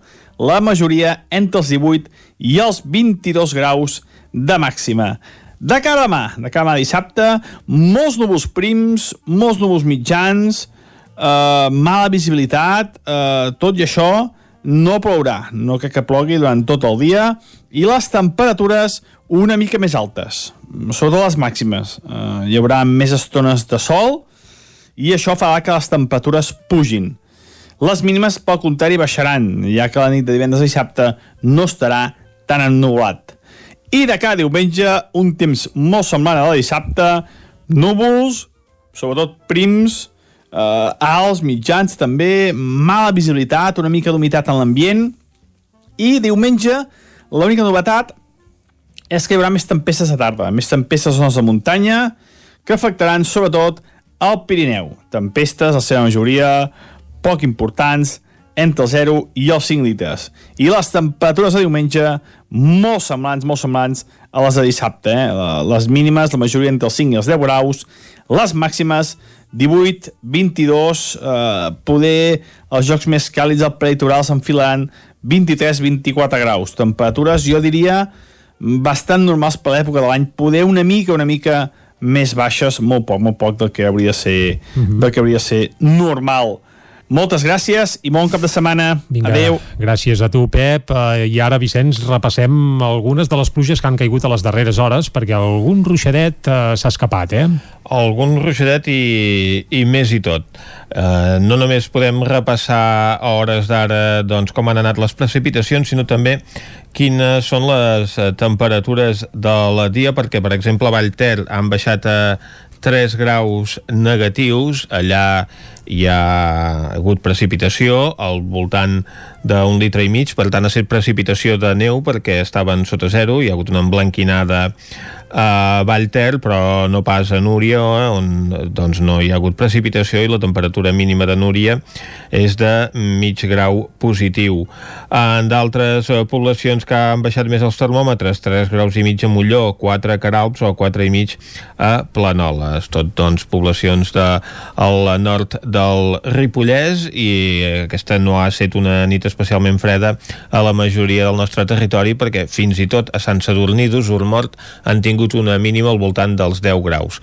Per tant, eh, ha estat una nit plàcida i després d'aquesta nit, doncs, al matí hi ha hagut algunes precipitacions i alguns ruixats significatives eh, fins i tot perquè en pocs minuts on s'ha desencadenat una forta tempesta entre el nord de, o entre el sud d'Osona per, eh, per dir-ho millor, entre el sud d'Osona i el nord del Vallès Oriental perquè ara es va desplaçant cap a la costa i aquest, eh, aquestes tempestes, perquè han set mm. tempestes en alguns punts com Tagamanent, 18 litres i mig han caigut al cim de Tagamanent. déu nhi 10 aigua freda, 5 a Taradell, 4 i mig al Puigdesolles, 4 a Tona, 3 i mig al Puigdegordi i a Ceba, 2 i mig a Centelles i a Viladrau, són els punts on hi ha hagut més precipitació. Doncs de mica en mica s'omple la pica. Sí, senyor. Doncs fet aquest repàs meteorològic, anem ara cap a l'entrevista. Casa Tarradellas us ha ofert aquest espai. Territori 17. Envia'ns les teves notes de veu per WhatsApp al 646 079 023. 646 079 023. WhatsApp Territori 17.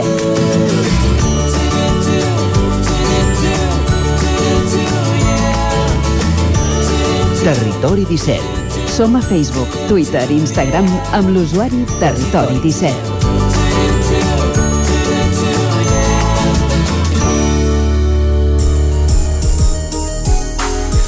Ja fa un any que va saltar la notícia que l'empresa Elevated MTV volia impulsar un bike park de bicicleta de muntanya amb un telecadira per pujar bicicletes fins a dalt del Puig de la Devesa de Ripoll per poder fer descensos.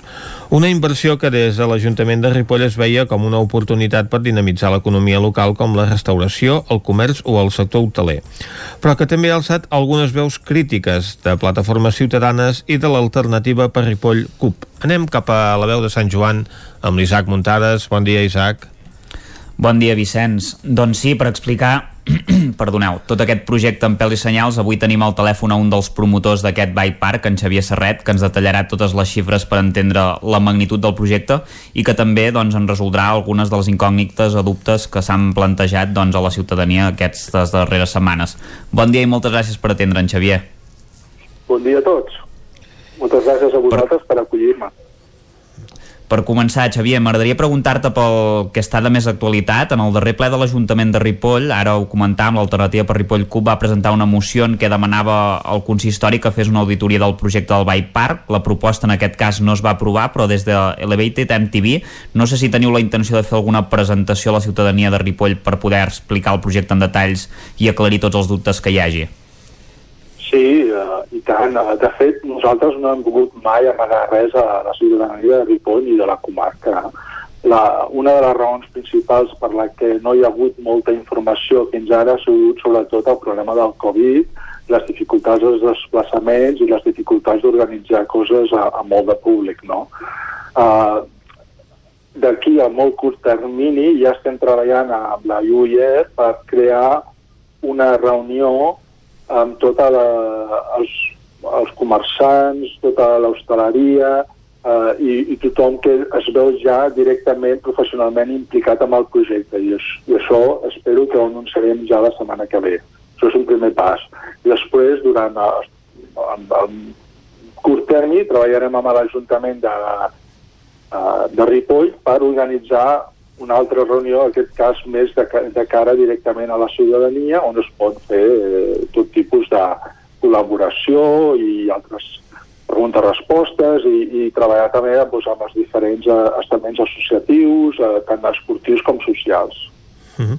I un dels dubtes que planteja el projecte és si pot ser sostenible amb el medi ambient. Com ho fareu a l'empresa perquè eh, sigui així? I en el cas de la telecadira, per exemple, com, com serà i com, com funcionarà? Quines dimensions tindrà? Sí, sí, de fet, la majoria de la gent veu el telecadira com la gran ferida ecològica. Nosaltres hem fet diversos estudis i el primer que s'ha de tenir en compte és si tu fa, mires tots els estudis internacionals que s'han fet sobre les estacions d'esquí i el seu impacte ecològic, de fet, els telecadires no entren mai. En una estació d'esquí l'impacte ecològic està en les pistes, el fet que són molt grans, amb tota la part, molt, molt amples, diguem-ne, tota la part de generació de neu artificial, que no només és l'aigua l'energia que cal, sinó també el fet que les pistes s'han de preparar amb abonos especials, és una, és una agricultura específica, i després el manteniment de la neu, retractes i tot això. No? Per contra, els telecaders no se'n parla mai. Això és un primer punt. Després, un segon punt, eh, en, els, en aquests moments, totes les grans ciutats eh, de, asiàtiques estan mirant els telecadires i els telecabines com el transport públic més eficient i el càlcul energètic és que un telecabina és tres vegades més eficient que no pas un metro a nivell de consum elèctric. Uh, això és, no és molt conegut, però, de fet, uh, aquest tipus de transport és el més ecològic que hi ha. Això és per una banda. I després, per una altra banda, si ens fixéssim en l'alternativa, que seria crear una pista forestal en el que la gent pogués pujar i baixar amb un tipus de transport de quatre rodes, 4x4. Aquesta pista forestal, en comptes de fer un quilòmetre de 100 metres, faria uns 8 quilòmetres de llarg i eh, on passen els cotxes, evidentment, tota la natura està absolutament morta. Potser sí que és un pèl més estreta, però no molt massa, però clarament és una ferida ecològica major. No poden passar els animals, no, la natura, com jo dic, està morta, on s'han de fer taluts, és, és enorme, no? i en compte, i si ens donem compte, doncs de pistes forestals hi ha per tot arreu. I ningú, ningú diu res. En canvi, la telecadira, ostres, què és això? S'ha de ser com sigui la, la gran ferida. I de nou, a sota un telecadira, una vegada està construït, tornen a créixer les plantes, poden passar els animals sense cap problema, i uh, l'únic impacte, diguem-ne, que hi ha és l'impacte visual, i, i amb això ja estem treballant per crear un telecadira una mica més baix de lo normal, perquè les telecadires d'estacions d'esquí són bastant alts per permetre que la, la neu, quan s'acumuli, doncs no arribi fins a l'alçada de les cadires. Mm -hmm. Parlem de número, Xavier. Quina és la inversió inicial per al projecte? D'on vindran aquests diners? I quants llocs de treball directes i indirectes es crearan? I, i bé, com s'amortitzarà aquesta inversió? Quanta gent creieu que vindrà durant l'any? Bueno, a, a nivell números, la, el primer número que et donava una estimació inicial és al voltant de 8 milions d'euros. Això pot semblar molts diners des d'un punt de vista d'una instal·lació dedicada a les bicicletes, però si mireu històricament és molt menys del que va costar, per exemple, el velòdrom de Barcelona per, per les, els Jocs Olímpics. Això és per una banda. Però nosaltres no ens volem fixar tant amb el, amb el cost d'inversió, sinó doncs, amb l'impacte econòmic directe i indirecte que tindrà tota la regió. El Bike Park obrirà amb uns 20, uh, empleu, uh, 20, uh, 20 empleats directes, però ja estem estimant, en funció de les experiències internacionals, que es crearan indirectament tres vegades més, que no són totalment indirectes, sinó són serveis que es, donaran al voltant del parc, com tipus de guiatge de bicicleta, o monitors, o uh, altres tipus d'activitats esportives que la gent aprofitarà per fer, uh, tot el que és una mica restauració, transport i companyia.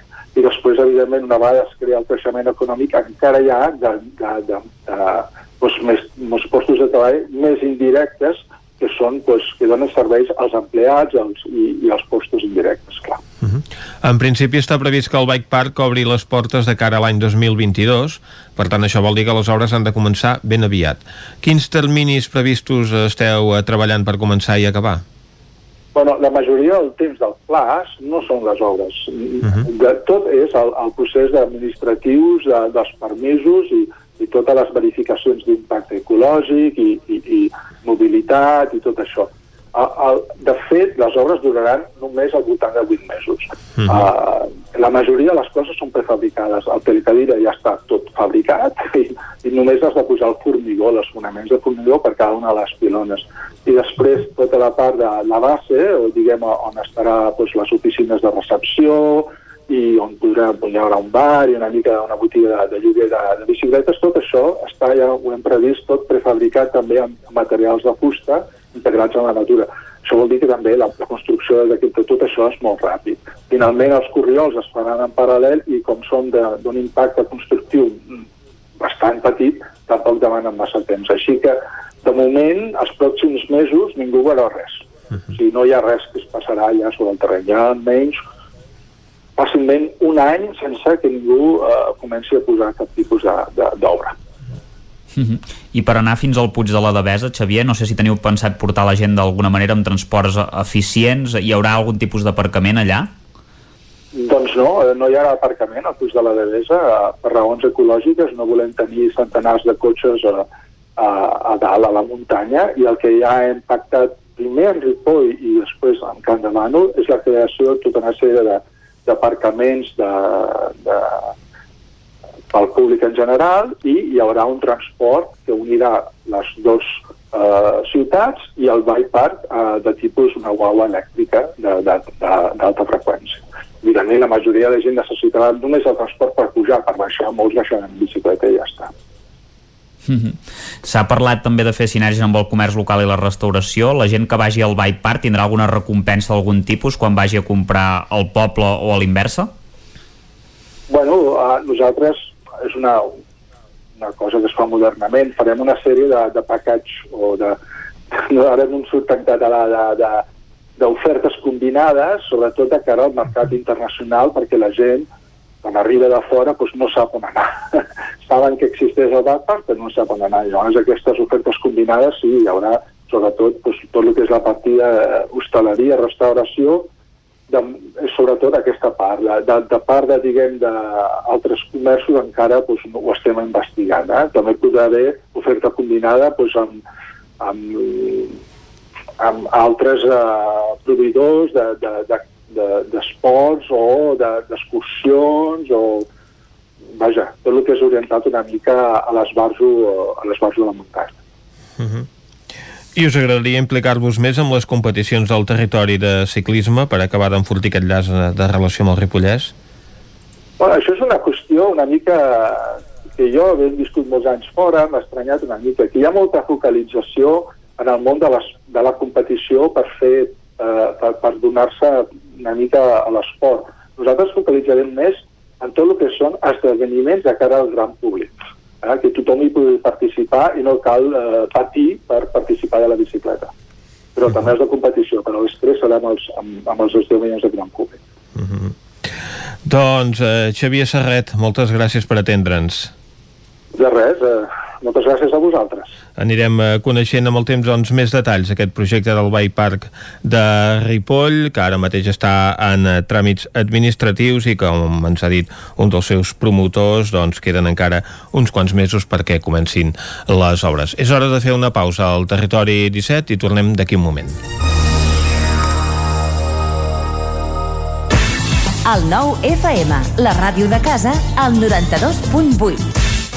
La Cakery. Pastissos personalitzats, galetes, cookies, brownies i molt més. Ens trobaràs a Vic, al carrer de Gurb 34 Baixos, al telèfon 93 886 70 51 i també a Instagram i Facebook. Cada joia és un art. Joier J. Garcia, taller propi de joieria i rellotgeria. Joies úniques, peces artesanals, dissenys exclusius i personalitzats – Rellotges, anells, braçalets i molt més. Joier J. Garcia, ens trobaràs a la Rambla de Vallada 6 i a la carretera de la Guixa 10 de Vic i a Tona, al carrer Barcelona número 17. També a Instagram i a jgarciajoyer.com. Mudances a la carta. Som especialistes en muntatge i desmuntatge de mobles. Oferim servei de guardamobles i fem mudances a tot el territori. Trasllats de pianos i peces delicades i també fem embalatge i protegim. Mudances a la carta. Serveis adaptats a cada client. Ens trobaràs al telèfon 605 04 34 75. Cocodril Club. Si t'agrada la bona música dels anys 60, 70 i 80, escolta el 9 FM als matins de dissabtes i diumenges d'11 a 1. És el temps del Cocodril Club, tot un clàssic de la ràdio, amb les bases del pop-rock, les llegendes, les cançons que s'han convertit en autèntics himnes. Recorda, dissabtes i diumenges al matí, d'11 a 1, al 9 FM 92.8. Cocodril Club, el programa revival de l'Albert Malla.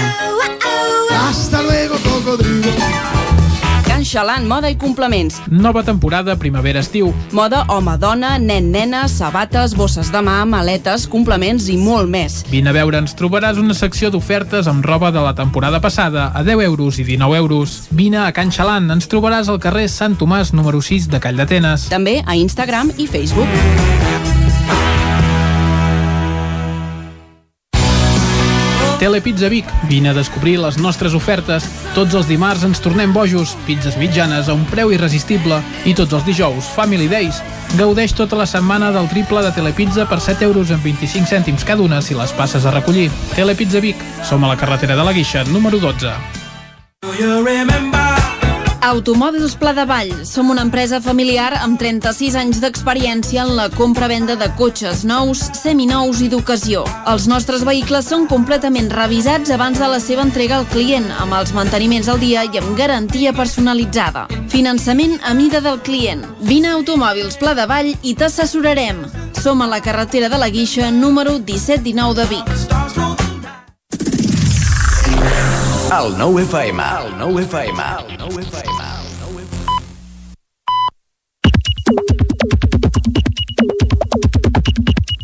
Són dos quarts onze, nosaltres anem ara cap a Twitter i sempre ens porta cap a aquest món virtual l'Isaac Moreno, bon dia. I bona hora.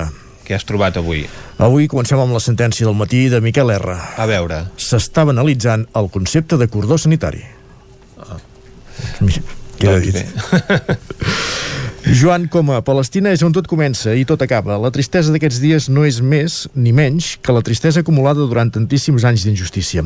Em vull la complicitat de les nostres institucions i la falsa equidistància d'aquells que es pensen estar per sobre de tot. Toni Rubia, diu, estem fent de mediadors en una guerra de cadires i poder? No és lo d'Israel i Palestina, em sembla que No. refereix ell. I respon ell mateix, diu, sí, estem fent de mediadors en una guerra de cadires i poder. Etiqueta acords mínims, investidura i sense rumb. L'etiqueta no és joc de trons, doncs. No encara. Xavi Font diu, els meus pares i els mestres em van dir que tenia que estudiar anglès. Gràcies, en Messa, a ells el parlo i l'escriig perfectament. L'altra cosa és el català, llavors, eh? Aquí, aquí, aquí està el problema. Sort en tenim de la Cristina que ens va allisonant en català cada 15 dies. El tuit falca del dia de l'Agustí Danés diu aquest divendres al Casino de Vic parlarem de com ens ha implicat i com ens ha canviat la Covid-19 en el marc de la jornada Osona Debats organitzada per la Fundació Caixa Manlleu i l'Ateneu de Vic amb la col·laboració del Consell Comarcal d'Osona i el 9-9. Doncs vinga, De cap 4 allà a 8 tots. d'aquesta tarda. Tot virtual. Ah, no, i presencial al Casino. També s'hi pot anar, però t'has d'inscriure. Això sí, per tenir un registre de les persones que hi assistiran per qüestions sanitàries. Xavi Tornafoc, a Catalunya passen coses excepcionals. Un partit anticapitalista, assembleari i comunista maniobra perquè un altre partit ultranacionalista i neoliberal formi part del govern. La política catalana és un esperpent. I ho deixem aquí. Els, una cosa que val a dir dels tuits d'en Tornafoc és que l'és mai l'accentua, però vaja, deu ser qüestió del telèfon. O, o, o allò que deia en Font, de l'inglès. O dels diacrítics, que eh, com que ja no s'hi han de posar accents, doncs ja no posem accents en lloc, no? Que a l'inglès ho fan més fàcil. També podria ser. Ahir el Parlament nomenava els nous senadors eh, autonòmics, entre ells el biguetà Josep Maria Reniu, proposat per Esquerra, diu molt agraït i honorat, així com moltíssimes gràcies als companys i companyes d'Esquerra per proposar-me. Des d'Esquerra Osona, Jordi Fàbrega, davant Josep Maria Reniu, compta amb Esquerra d'Osona al teu costat en la lluita des del Senat per la consecució de la República Catalana. Pep Poblet diu, no entenc els bicings i els patinets a Barcelona. Ells poden saltar-se tots els semàfors o què? Cada semàfor en vermell em quedo amb cara de tonto veient com ells se'l salten. Etiqueta coses meves. I, i de tants d'altres em fa l'efecte. Guillem Freixa, la pitjor firma de la meva vida m'ha sortit en el moment de fer el DNI. Etiqueta Epic Fail. Enric Xicoi, no vull formar part d'un estat en què la Guàrdia Civil i la Policia Nacional són més essencials que els professors universitaris. Isaac Romero, regidor Prats de Lluçanès, una tasca més i ja en van moltes dignes de reconeixement. Gràcies a l'Anna Gorgi i a la Roser Reixac per continuar aflorant les necessitats de la memòria històrica i la vida de moltes a Prats de Lluçanès. I per què ho diu això? Doncs per el reportatge que apareix avui al 9-9, signat per la Anna Gorgi i la Roser Reixac, sobre una veïna de Prats que va lluitar a la resistència francesa i va sobreviure a l'horror nazi. Acabem. Teresa Rossell, em fascina la capacitat d'algun company advocat que en qualsevol negociació ell porta els bons que tenen tota la raó i els altres som tots dolents i sembla que ens faci un favor per intentar arribar a un acord. No sap que la prepotència debilita. Soc de jugar al contraatac.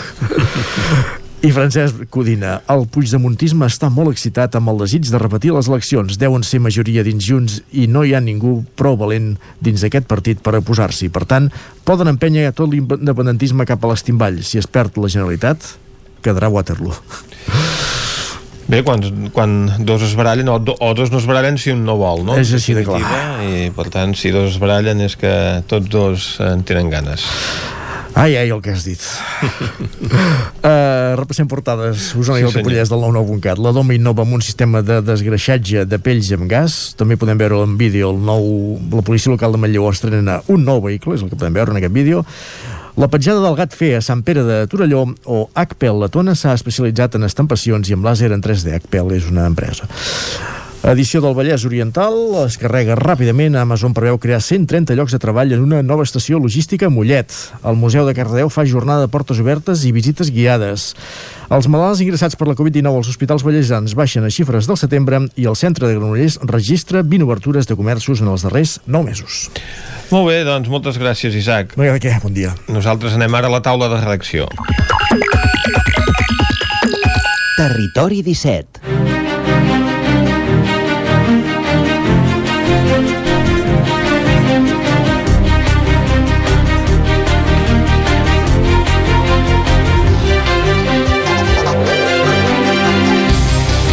Avui a la taula de redacció ens acompanyaran en Guillem Rico i en Miquel R.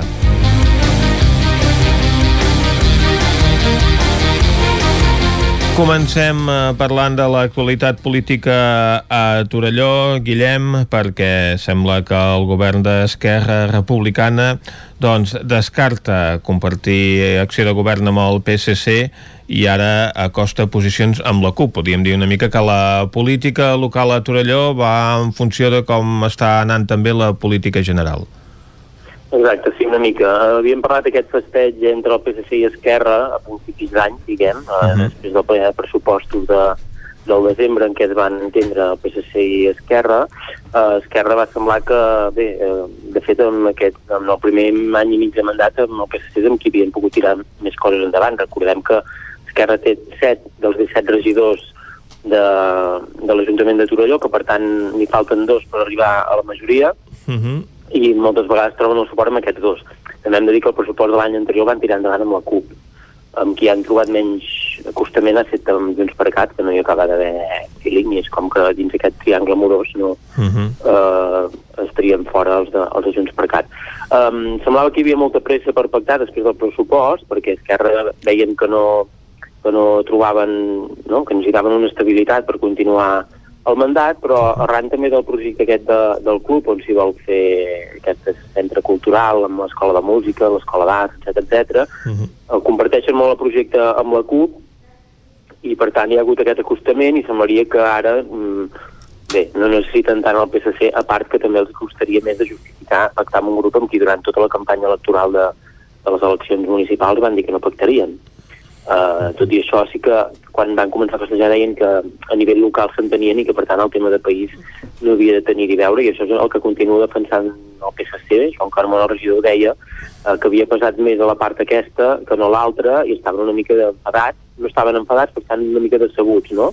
Que se senten una mica com que els han fet servir que encara no els necessiten o no els necessiten tant perquè sí que hi ha uns, uns acords que van arribar amb el tema del pressupost que això es mantindrà Uh -huh. i ara eh, això mm, diuen, clar, després de tots aquests mesos eh, ens hem sentit manipulats i de fet feia aquest símil amb el tema nacional perquè deia Esquerra no vol saber res del PSC el PSC res d'Esquerra a nivell nacional i sembla que ara això doncs s'ha traslladat aquí i també eh, Carmona del PSC també feia referència a això, no? hi ha hagut un acostament amb la CUP com també ha passat en l'àmbit nacional per tant ell lamentava això eh, sí que ens, ens confessava que en algunes reunions ells ja anaven molt per repartir regidories i Esquerra sempre els frenava, ells proposaven fer una regidoria de barris que ho portaven al programa i això Esquerra ho veia amb bons ulls, eh, i també hi ha, per exemple, alguna de les carteres que demanaven era la de, la de comerç, no? també perquè és una mica el sector on, on treballen els dos regidors de, del PSC, si més no portaveu.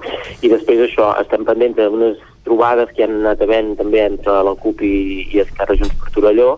Um, amb Enrique de la CUP, el portaveu, no s'amagava que havia millorat la relació, també havíem de dir que de fet, des de l'estiu passat eh, Esquerra va canviar una mica l'estratègia per fer unes trobades periòdiques amb el PSC i amb la CUP.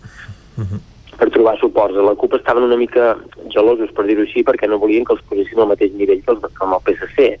I llavors, arran d'alguns acords pel tema del romanent, recordem que van decidir, hi havia el projecte de les serrasses que el van descartar i van decidir buscar alternatives, la compra de la nau de les carrosses, aquí van ser una mica crítics des de la CUP i també amb el tema del, del, de l'últim pressupost. I sí que van ser una mica més, um, més tensos, diguem, hi va haver cert escriventor entre Esquerra i, i la CUP arran d'això. I hem de dir que també des de ple del gener, eh, ja, ja estàvem a tocar de les eleccions, i després doncs, hi ha hagut un altre, no sé si perquè els punts del ple tampoc eren eh, grans temes, però sí que es veia que hi havia certa, diguem, no sé dir-ne treva, però hi havia una mica més de pau entre, entre les dues formacions i, i aquí ja es podria entreveure doncs, aquesta mena d'acostament, que sembla que en els propers dies hi hauria d'haver alguna mena d'acord, però sí que des de la CUP ens deien que ells tenen la voluntat d'arribar a acords concrets per la resta de mandats. Per tant, parlaríem d'acords concrets, de pactes per, per alguns projectes, però d'entrada no semblaria que ningú acabi entrant a govern. De fet, des d'Esquerra sempre han dit que, i ho deia l'alcalde Marcel Artuño també quan hi parlàvem aquesta setmana, que ells es veuen amb cor ara, que, que, que veuen que poden tornar a tenir més vies d'acord per d'una banda i per l'altra, doncs de poder continuar en minoria, que és el que, el que van apostar a principi de mandat. Uh -huh. Per tant, això, eh, els propers podem veure que hi hagi algun, algun acord entre Esquerra i la CUP a Torelló, però no semblaria que sigui per entrar, eh, per repartir-se, diguem, regidories i entrar a formar aquest govern mm, sinó per donar més estabilitat a aquest govern ara que sembla que aquestes dues formacions doncs, passen per un moment dolç en les seves relacions. Exacte. doncs eh, moltes gràcies Guillem. De res, bon dia. Ara nosaltres anem a parlar d'un de dels temes d'actualitat d'aquest cap de setmana, perquè aquest cap de setmana és el dia dels museus i en Jordi Vilarrodà ens farà ara un repàs de quines són les activitats més destacades per celebrar aquesta jornada.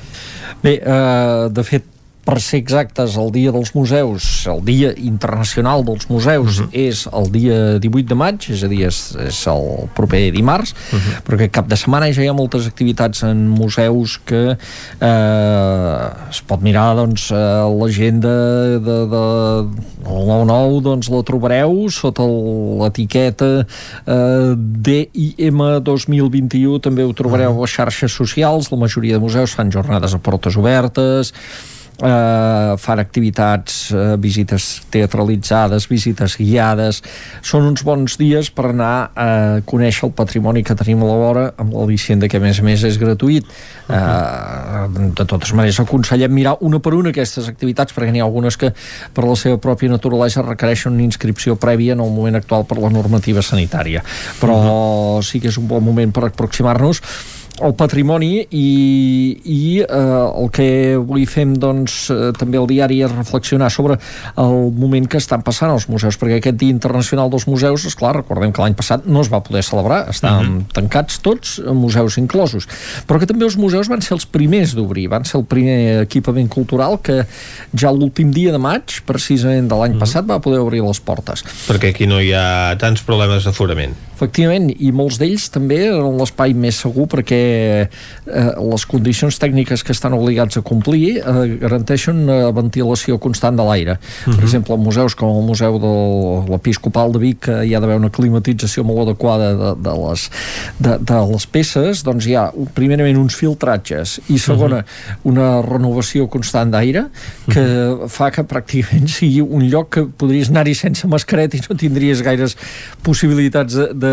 de contagiar-te. Però, uh -huh. eh, a part d'això, doncs, esclar, els museus sí que és veritat que van ser els primers de poder obrir, però van perdre molts visitants. Ara no es donen unes estadístiques museu per museu, que ho havia fet abans el Departament de Cultura de la Generalitat, però sí que parlant amb directors de museus d'Osona et xifren entre un 60 i un 80% de pèrdues de visitants l'any passat. Això és moltíssim. És moltíssim. Va haver-hi uns mesos de tots els museus tancats, -huh. va haver-hi un col·lapse de les visites escolars, a més a més, que en Clar. alguns casos són molt importants. Es van poder reprendre amb l'inici inici de curs però amb la limitació local o comarcal com a molt, per tant eh, també moltes restriccions de mobilitat. No hi ha hagut turistes, que són els que donen vida als museus. no hi ha, en alguns casos, don, tant turistes com escolars, diria uh -huh. jo. Aquí, per exemple, el Museu Episcopal de Vic eh, té, una, té, té una curiositat, que és que el segon grup eh, de visitants que té per procedència són els francesos. O sigui, uh -huh. hi ha catalans, eh, dividi, es divideixen entre catalans, espanyols, uh -huh. van separats, eh? Uh -huh. Però després dels catalans venen els francesos. Esclar, francesos, amb els Més problemes que hi francesos havia... que espanyols. Sí, sí, amb els problemes que hi havia a la frontera, francesos mm, pràcticament zero, com aquell que diu, molt pocs. Clar, tot això s'ha notat molt. I ara els museus estan intentant recuperar la presencialitat, eh, aquests visitants que es van perdre, però a la vegada també no conservar alguna de les coses que es van, que, que, que es van implantar durant el confinament, eh, de recursos, de visites en línia, de tot això que aquells dies doncs, ens vam entretenir tots a veure, anem a mirar, no sé què. Alguns museus tenien ja recursos d'aquests, perquè ja els havien fet, els havien preparat, per exemple, el cas de l'Episcopal de Vic, altres van fer, eh, eh, es van espavilar molt a fer-ho, eh, va ser el cas de, del Museu del Ter de Manlleu. Alguns altres ho estan treballant ara. Per exemple, una de les coses que es presentaran també aquests dies doncs, és la visita virtual també doncs, al Museu de l'Esquerda de Roda de Ter. Eh, doncs eh, no volen deixar tota aquesta part que els ha portat també un altre tipus de públic que potser no anirà a les sales però que eh, ho mirarà i, i potser allò li cridarà l'atenció per anar-hi algun dia, no? Uh -huh tots han augmentat les subscripcions als seus canals de YouTube, per tant és un recurs que tots volen eh, tenir eh, eh, al marge de que ara creixin les visites eh, presencials. Ara, per exemple, explicàvem el cas del Museu de l'Esquerda de Roda, que va ser un dels pobres doncs, més perjudicats, perquè es va inaugurar el desembre de l'any 2019, eh, va poder funcionar durant tres mesos, tres mesos d'hivern, que són els pitjors, diguem, per les visites dels museus, i va arribar una pandèmia, i aquell museu nou de Trinca doncs, va quedar tancat, eh, i, i ara, doncs, esclar, precisament doncs, lligat amb la visita del jaciment de l'Esquerda, és un museu molt interessant per veure, i doncs I tant. aquest any confien que l'estiu doncs, sigui bo. Tots estan, I si per tant, en aquest cap aquest de procés. setmana serà bo perquè s'hi fa també el Festival. Encanta. També és un dels escenaris, precisament, a l'esquerda, l'exterior del, del Museu de l'Esquerda del Festival Encanta de Roda de Ter, que ha descobert aquest espai ja fa des de que es va començar a fer, sí, sí, i precisament diumenge a la tarda hi haurà, entre altres, doncs, el, els concerts de Cluenda es fan allà. Doncs molt bé, moltes gràcies, eh, Jordi. Tanquem aquí aquesta taula de redacció que avui hem fet finalment amb Guillem Rico i Jordi Vilarrodà. Territori 17.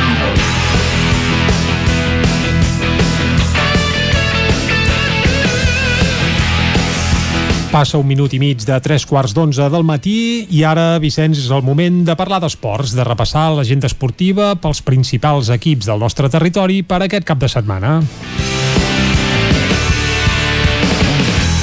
I el repàs, on el començarem, Vicenç? El començarem des de Ràdio Cardedeu amb l'Òscar Muñoz. Bon dia, Òscar. Bon dia, Jordi. Bon dia, Vicenç. Bon dia, bon dia. Ah, Explica'ns, Òscar, com es presenta el cap de setmana esportiu. Doncs cap de setmana entretingut, uh -huh. amb un, tenim derbi per aquí Mhm. Molt bé. i bueno, més cosetes que ara anirem començant.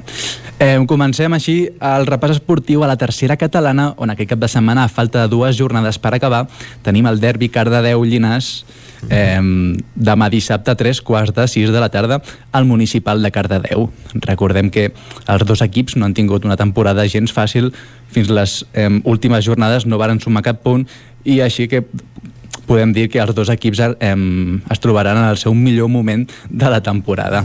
Els cardedeuencs van 300, millor que el Llinàs, que va per 3 posicions per sota del futbol normal ens anem al futbol sala on també dissabte el primer equip del Cardedeu situat a la Lliga Divisió d'Honor Catalana s'enfrontarà al Parets a les 7 de la tarda. Aquí a Cardedeu doncs, vol sortir d'aquesta mala dinàmica de 5 partits seguits perdent i s'enfrontarà, com hem dit, al Parets situat a la part alta de la classificació van cinquens, però ja podem dir que és la part alta, ja que doncs, eh, el Cardedeu va penúltim en aquesta lli- Lliga Divisió d'Honor.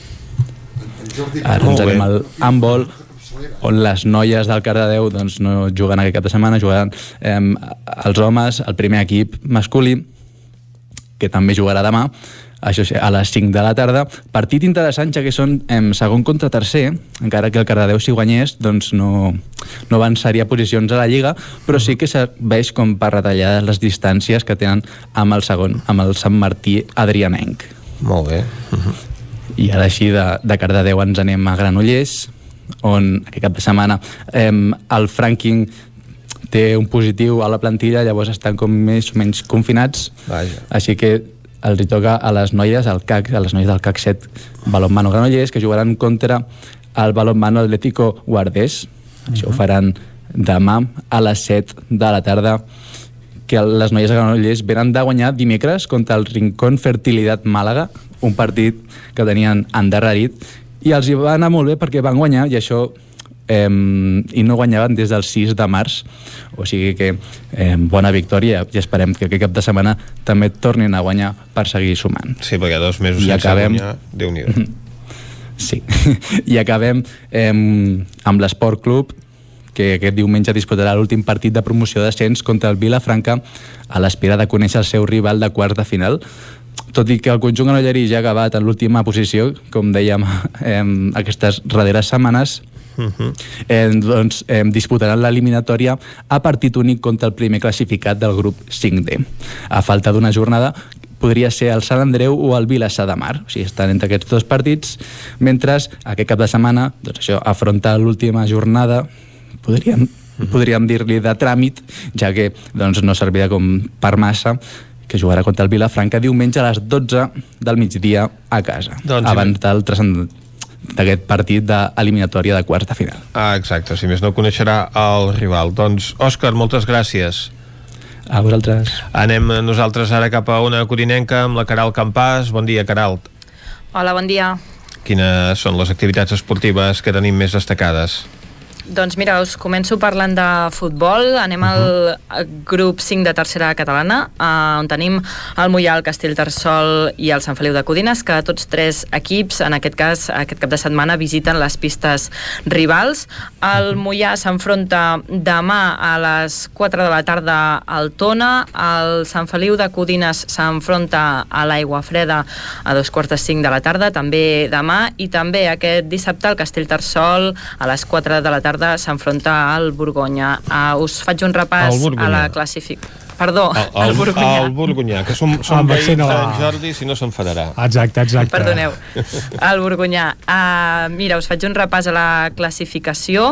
El Sant Feliu de Codines el tenim al número 6 amb 16 punts, uh, just per davant del Mollà, que el tenim setè amb 14 punts, i el Castellterçol primer per la cua a la posició 17 amb només uh, 3 punts. I me'n vaig cap a l'hoquei, les noies del Vigues i Riells estan disputant aquests dies amistosos i el Sant Feliu de Codines, que el tenim a segona divisió, doncs ja va acabar la, la temporada i per això us parlo del, del rec amb les alcaldes, que com recordeu va disputar aquest dimecres després de sis setmanes sense jugar eh, contra el Lloret, un partit del qual doncs, els calderins no n'estan gaire orgullosos. Eh, el Lloret que es trobava en les places de descens i un partit que va acabar amb empat a 0 i per tant amb només un punt per a Alcaldes i rep aquest dissabte a Alcaldes al Palafrugell a les 8 del vespre. És un dels eh, tres uh -huh. partits pendents que, que té uns partits que doncs, s'han anat ajornant com sabeu per positius doncs, primer el, a la plantilla tècnica d'Alcaldes i després doncs, els equips eh, rivals. I bé, Alcaldes afronta doncs, aquesta antepenúltima cita de la temporada a la Torre Roja, al pavelló de la Torre Roja com dèiem, la visita del Palafrugell eh, en un duel clau en la lluita doncs, per la Lliga Europea perquè una victòria doncs, arlequinada els permetria recuperar la tercera posició a la taula, que com recordem eh, Alcaldes està ara mateix al número 4 amb 55 punts, just per sota del Reus amb 58 punts. Molt bé, doncs, Caral, moltes gràcies. A vosaltres. Anem ara cap al Ripollès, a la veu de Sant Joan ens espera l'Isaac Muntades. Isaac, bon dia. Bon dia de nou. Com està l'activitat esportiva al Ripollès? Doncs Més enllà del Bike el... Park, que ja n'hem parlat, no?, d'aquesta sí. proposta sí, doncs, sí. per la gent amant del ciclisme que s'està desenvolupant al Ripollès, aquest projecte polèmic que veurem doncs, eh, si finalment pot eh, tirar endavant per l'oposició d'alguns grups de l'Ajuntament, tot i que, evidentment, l'equip de govern doncs, els està donant tot el suport. Però a part de ciclisme, al Ripollès es practiquen altres esports.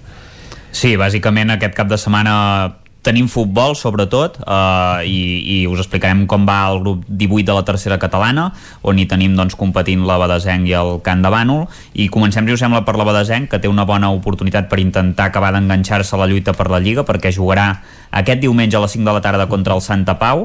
Ara mateix la Badesenc és 5è amb 17 punts i està pendent de si recupera els punts del, del partit que els hi van donar per perdut contra les Planes per alineació indeguda, però sembla ser que, que amb algun tipus de reclamació els podrien intentar doncs, recuperar i això els, els acostaria només 3 punts del, del lideratge, per tant seria una altra història. Uh, els Sant Joanins han guanyat 5 dels últims 6 partits i n'han empatat un, en canvi el Santa Pau doncs, és desè amb 12 punts i acumula dues derrotes consecutives. I per la seva uh, banda, el Camp de Bànol visitarà la Cellera aquest dissabte a les 4 de la tarda en un partit clau doncs, per no patir angúnies de cara al final de temporada, perquè ara és 11 amb 11 punts i un partit menys i no ha guanyat cap dels últims 4 partits. Uh, mm -hmm. Això sí, la Cellera hauria de ser un rival assequible perquè és el cué de la categoria amb només 5 punts i en canvi sí que ha perdut uh, 5 dels 6 últims partits. Per tant també està una mica com el Camp de en aquest sentit. I, i si anem al torneig de la zona catalana de futbol encara el Camprodon ja no té opcions matemàtiques de classificar-se per la següent fase i per tant només li queda doncs, guanyar algun partit per, per l'honor. Ara mateix són quest d'un grup de 6 equips amb 0 punts però amb dos partits menys que si els guanyés li permetrien empatar amb el penúltim, que és el, el Besalú, i el Camprodon jugarà aquest dissabte a dos quarts de cinc de la tarda contra el Porqueres, que és el líder destacat del grup amb, amb 17 punts i no ha perdut cap partit, per tant sembla difícil doncs, que, que pugui començar la remuntada, però, però bé, esperem que sí.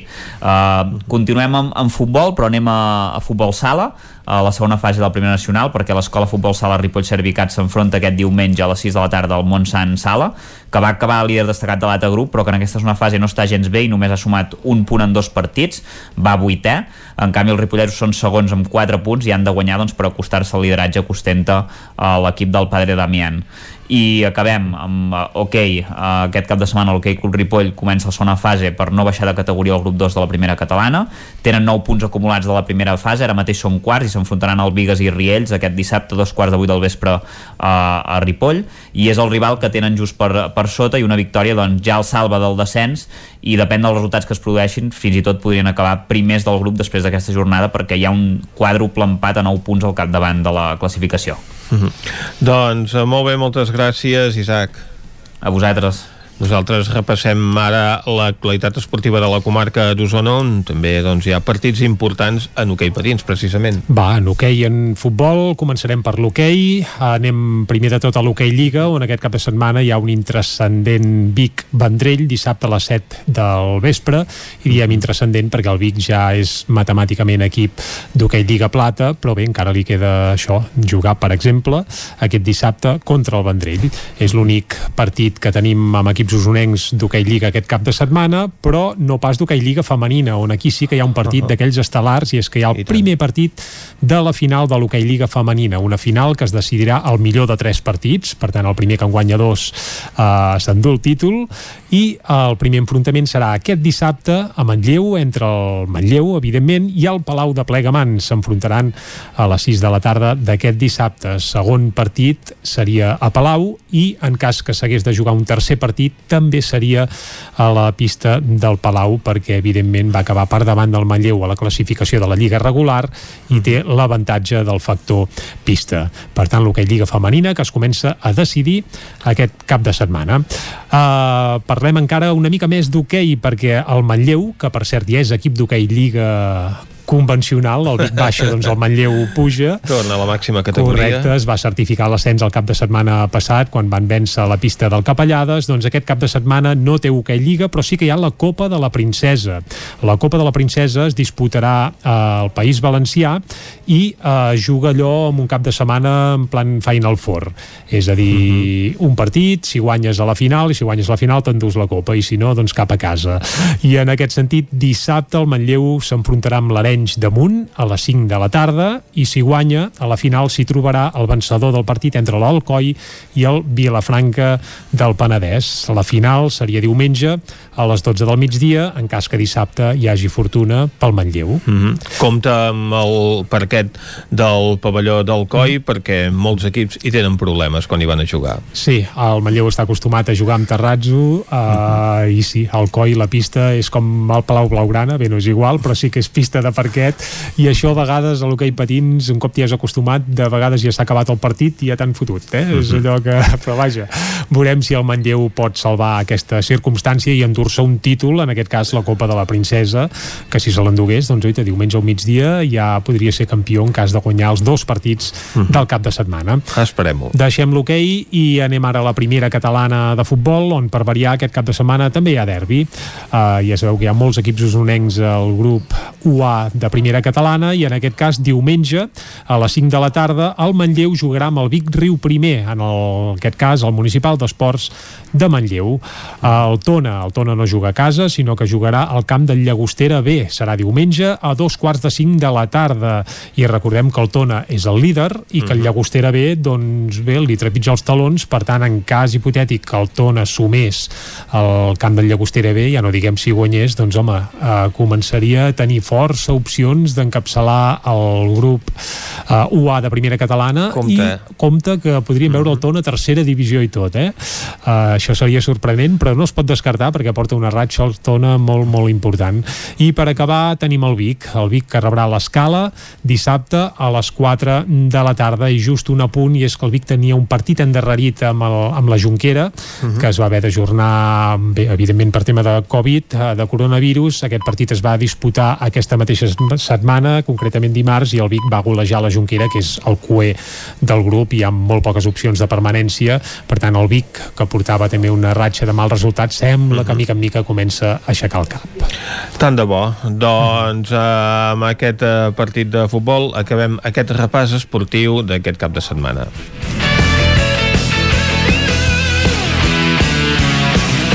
I quan són les 11 i mig minutet, torna l'actualitat de casa nostra, l'actualitat de les comarques del Ripollès, Osona, el Moianès i el Vallès Oriental. Territori 17, amb Vicenç Vigues i Jordi Sunyer.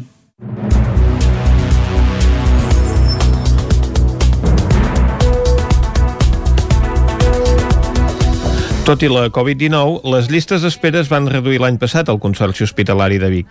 S'hi va aplicar un pla de xoc amb una inversió d'un milió i mig d'euros del CatSalut que va permetre compensar les dues aturades a la primera i la segona onada de la pandèmia. L'any 2020, tot i les dues aturades de bona part de l'activitat habitual que va suposar la pandèmia de la Covid-19, el Consorci Hospitalari de Vic va reduir les llistes d'espera. Va passar amb l'activitat ambulatòria amb una davallada del 40% dels pacients pendents de visitar-se i en l'activitat quirúrgica programada amb una reducció del 43% de les persones en espera. Les dades s'expliquen d'una banda perquè amb la pandèmia i els mesos de confinament es van reduir tant les sol·licituds de primeres visites com, per exemple, les lesions esportives o les caigudes.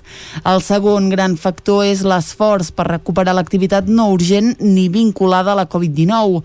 El pla de xoc, amb una injecció d'un milió i mig d'euros per part del CatSalut a l'últim quatrimestre del 2020, va permetre tancar l'any havent complert el 98% de les intervencions quirúrgiques que estaven previstes abans de l'arribada de la pandèmia. Al mes d'octubre, per exemple, es van fer 1.155 operacions, mentre que al maig se n'havien fet 390. Pel que fa a les proves diagnòstiques, la reducció de la llista d'espera ha estat del 22%, en part per la incorporació de nous equips, però també perquè se n'han sol·licitat 3.500 menys que l'any anterior. Ara hi ha el temor que es produeixi un efecte rebot amb nous diagnòstics, especialment de malalties oncològiques i que puguin arribar massa tard. Oriol Morera és adjunt a la gerència del Consorci Hospitalari de Vic. Molta gent s'ha quedat a casa.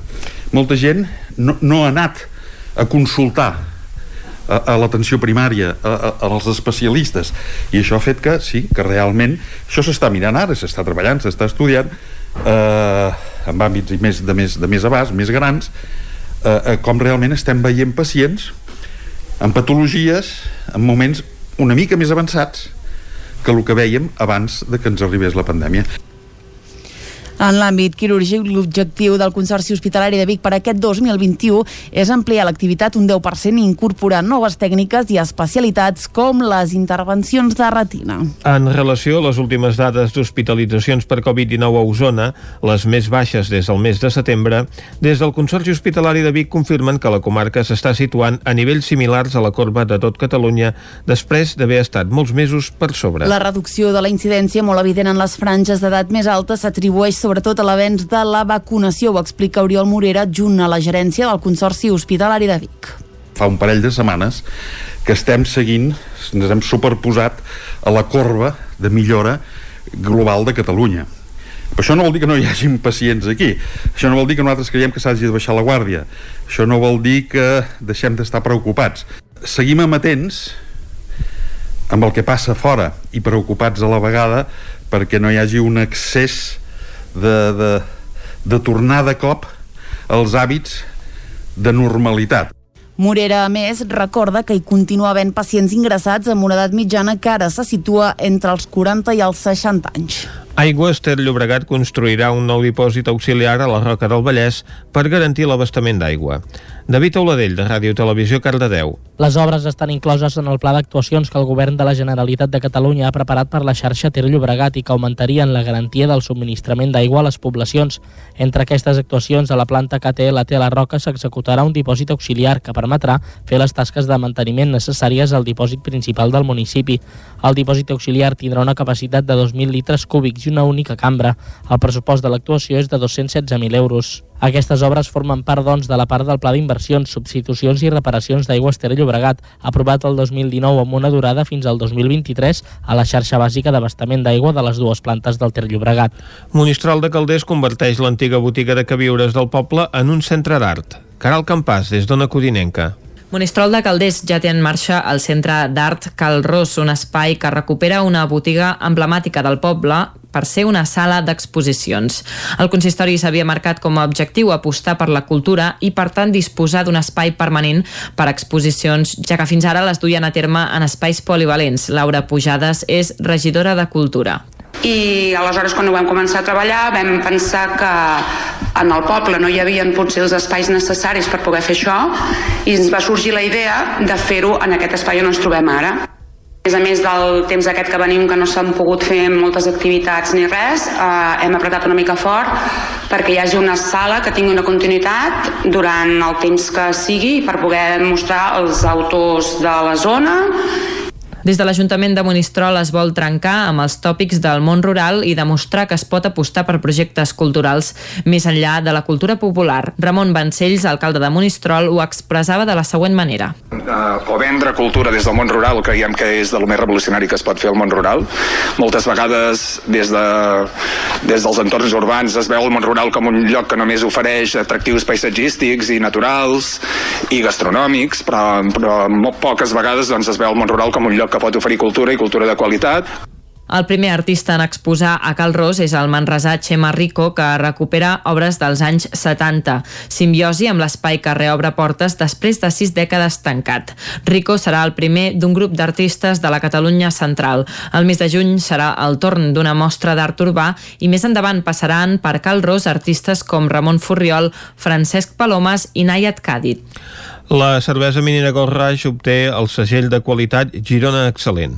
Isaac Muntades, des de la veu de Sant Joan. La cervesa artesana minera Golraix va obtenir el segell de qualitat agroalimentària Girona Excel·lent de la Diputació de Girona en la quarta edició d'aquest concurs. Aquest segell es va crear l'any 2014 i s'entrega de forma bianual. L'empresa establerta a Sant Joan de les Abadeses i Forjada Ugassa ja va ser reconeguda amb aquest segell en el certamen del 2018-2019 per la cervesa minera Abet Hefetsbein. En total es van premiar 79 productes elaborats per empreses de les comarques gironines com embotits, olis, arrossos, làctics o cafès. Durant dos anys la minera Golraix podrà utilitzar la marca Girona Excel·lent i es podrà beneficiar d'accions de promoció i difusió gràcies a la seva participació en fires i esdeveniments especialitzats, tenint campanyes de comunicació i publicitat i a més gaudint de serveis de formació i treball en xarxa empresarial. Per escollir els productes guanyadors es van fer una sèrie de tastes cegues per valorar-los en què van participar-hi 41 tastadors representatius del sector agropecuari, la gastronomia i la restauració. Les set jornades de tast es van fer a les instal·lacions del Full Lab Centre d'Innovació Gastronòmica de Riudellots de la Selva al Març i s'hi van convidar sis especialistes de prestigi vinculats a la ciència, l'enginyeria, la recerca, la comunicació l'educació gastronòmica, la docència, la restauració, el món del vi, la cuina i el comerç d'exquisiteses. Els directors tècnics i gastronòmics dels TAS van ser Salvador García Arbós i Pep Noguer. Un dels responsables de la cervesa minera, Jordi Mercè, explicava que tenia aquest segell els ha obert les portes per participar a grans fires com el Fòrum Gastronòmic i Alimentària, ja que si no tinguessin la subvenció seria una despesa inassumible. Allà poden fer propaganda del producte i establir contactes amb possibles clients. Mercè va apuntar que la crisi econòmica provocada per la pandèmia de la Covid-19 els ha tocat de ple, sobretot els dos primers mesos de l'any, que va qualificar de fatídics. Abans de la Setmana Santa van tornar a treballar al màxim abans d'una altra parada de dues setmanes i ara, sense l'estat d'alarma, esperen reactivar-se de nou. La gent de,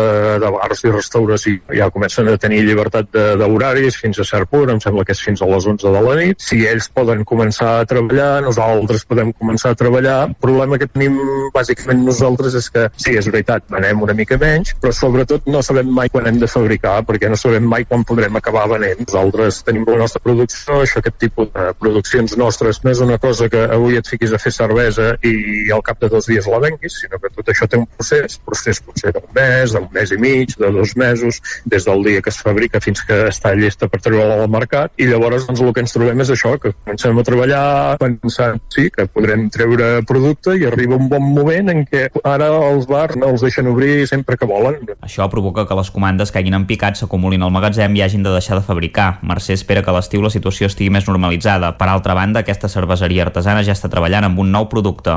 Estan bastant de moda darrerament les cerveses àcides i això és un tipus molt emblemàtic de cervesa sour, que es diuen cerveses làmbiques, són cerveses de fermentació espontània i això eh, el dia de Sant Patrick's, que ens agrada també agafar dies així bastant representatius, para fabricar aquesta cervesa. Aquesta cervesa es deixa oberta a l'ambient durant una nit que es refredi el seu aire i que s'inoculi amb tot el que hi hagi per aquí o per la nau, llavors es passa un ric i això va fent el seu fet en cerveses molt lentes. Aquesta cervesa haurà d'estar-hi gairebé un any i després es mirarà com està per si cal envellir-la una mica més abans de treure-la al mercat. I fins aquí el butlletí informatiu de les 11 del matí que us hem ofert amb Vicenç Vigues, Clàudia Dinarès, David Auladell, Caral Campàs i Isaac Muntades. I ara, abans de saludar en Jaume Espuny, una última ullada al temps.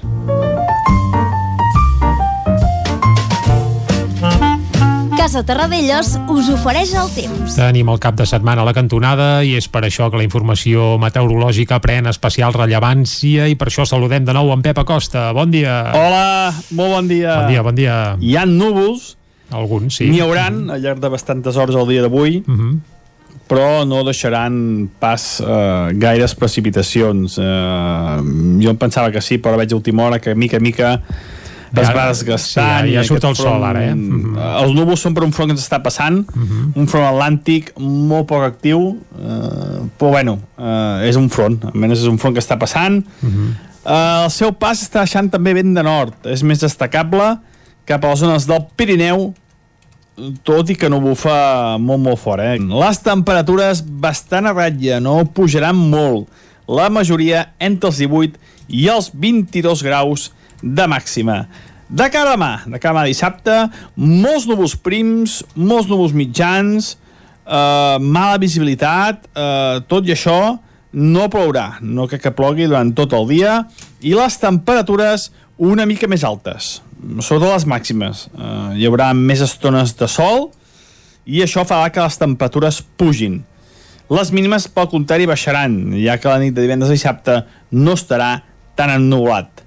I de cada diumenge, un uh -huh. temps molt semblant a la dissabte, núvols, sobretot prims, eh, alts, mitjans també, mala visibilitat, una mica d'humitat en l'ambient, i diumenge l'única novetat és que hi haurà més tempestes a tarda, més tempestes a zones de muntanya, que afectaran sobretot el Pirineu. Tempestes, la seva majoria, poc importants, entre el 0 i els 5 litres. I les temperatures de diumenge molt semblants, molt semblants a les de dissabte. Eh? Les mínimes, la majoria entre els 5 i els 10 graus, les màximes 18, 22, eh, poder els jocs més càlids al prelitoral s'enfilaran 23, 24 graus. Temperatures, jo diria, bastant normals per l'època de l'any, poder una mica, una mica més baixes, molt poc, molt poc del que hauria de ser, del que hauria de ser normal. Moltes gràcies i bon cap de setmana. Vinga, Adéu. igualment, bon cap de setmana. Ens escoltarem de nou dilluns. Ara anem a escoltar música. Com cada divendres, un clàssic d'aquells que han fet història és el que ens acosta, el Jaume Espuny. Què ens du avui a sota el braç, a les orelles? Ho descobrim de seguida. Casa Tarradellas us ha ofert aquest espai.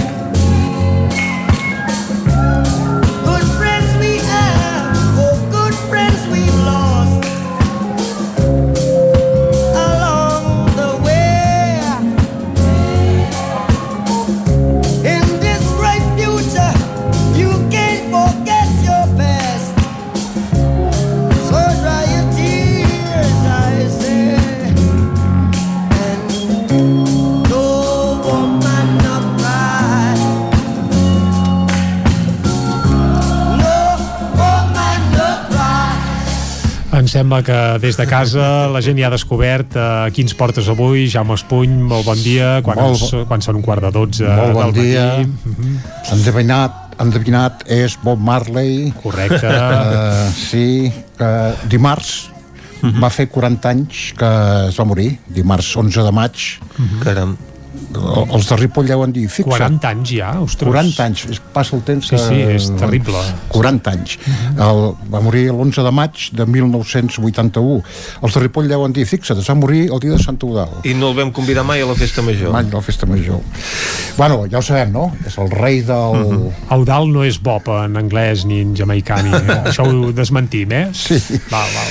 Una llegenda eh, és el rei, el rei del reggae, no? I tant. Una llegenda, precisament portem el disc que va sortir l'any 84 Oh, doncs ja estava mort, no? Mm -hmm. estava mort Clar, sí, evidentment. uh, és, és un disc que es va vendre molt uh, que hi ha, és una mena de recopilació es diu Legend -huh. i és Legend que és el Bob Marley hi han les millors cançons i avui doncs recordarem una mica el Bob Marley amb les seves millors cançons ja ho sabem, de què va Rastes, Jamaica, el Carib eh, uh -huh. religió raríssima etc.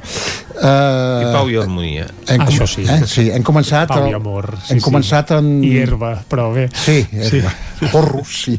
Uh, no Woman No Cry, No Woman No Cry, que és una cançó que a mi m'encanta, eh? m'agrada molt escoltar-la. Ara L'ha escoltarem... versionat quasi mig, mitja humanitat, eh, aquesta peça. Sí, sí, sí. sí Bé, sí. aquesta i d'altres del repertori de Bob Marley, eh? Sí, però aquesta...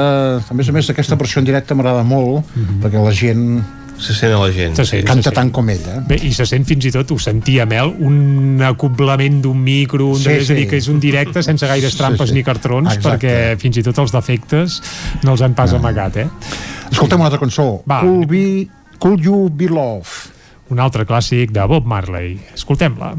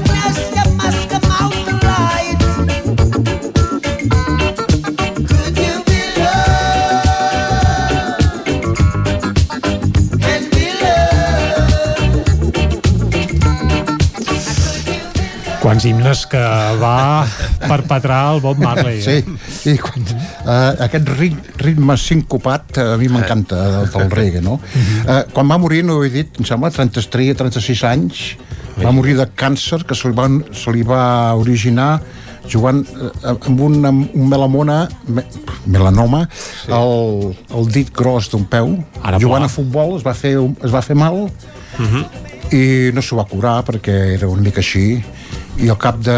Bueno, els rastafaris no eren d'anar gaire Exacte, al, d'anar al metge, ras i curt. Sí, sí. i al final doncs es va començar, es va desenvolupar un càncer uh metàstasi i, bueno, i El va futbol és molt dolent, eh? morir i l'enterrament de, de Bob Marley no sé si vosaltres estàveu allà l'enterrament No, era jo no hi era pas. com, com si, jo tampoc l'enterrament no però, però el vaig seguir per, per informacions Sí, per televisió espanyola tampoc el van donar. Mm, no crec, però bueno, vaig... No, no, no devia ser de la seva corda, les eh? ràdios i tot això. TV3 I- encara no hi era, el i 81. Va tenir un enterrament de president. Carai. Sí, sí, un enterrament de president i... Clar, és que era una, una figura icònica de, de, de Jamaica. Home, és que Jamaica, Bob Marley. Bob Marley, exactament. És que a tot el món, sí, sí, sí. sí. Uh, I les actuacions en directe ja hem, hem tastat aquell No Woman No Cry la manera de, de moure's per l'escenari doncs era Particular. era sí. particular i, i bonic de veure, eh? maco de veure uh, ara escoltem una altra cançó una que, que no és molt famosa però a mi m'agrada molt Three Little Bears Bears, que, o sigui, tres petits Tres ocells petits ocells, sí. Doncs escoltem aquesta peça de Bob Marley.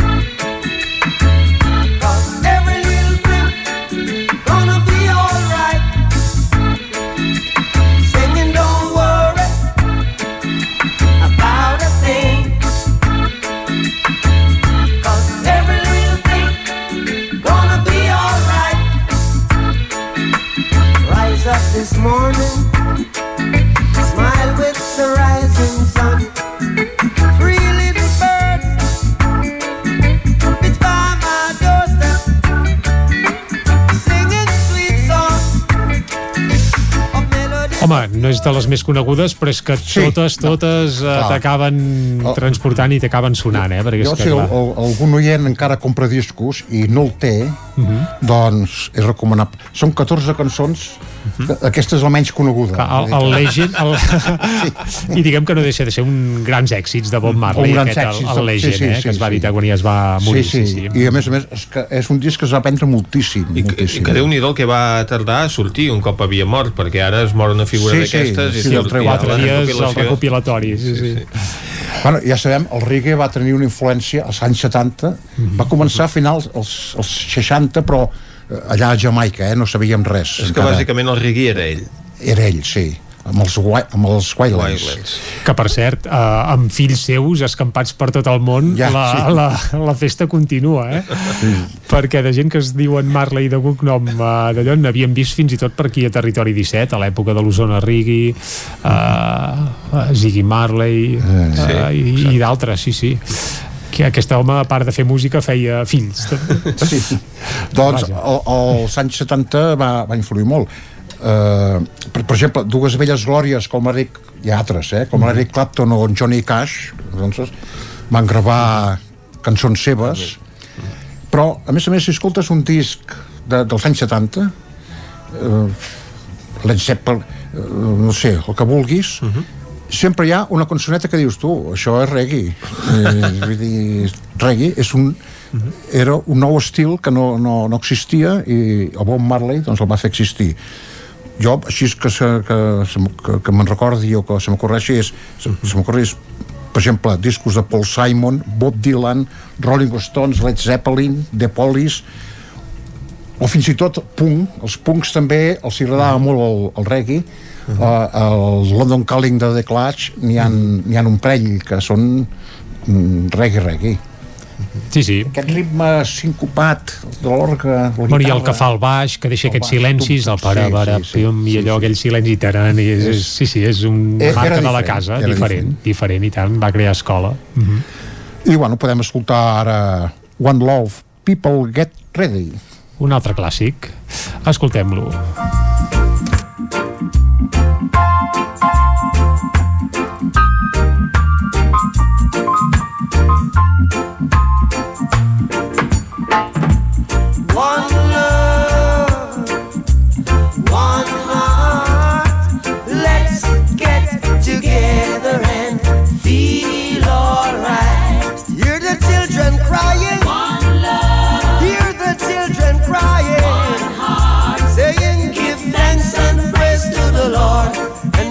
feel alright. Saying, Let's get together and feel alright.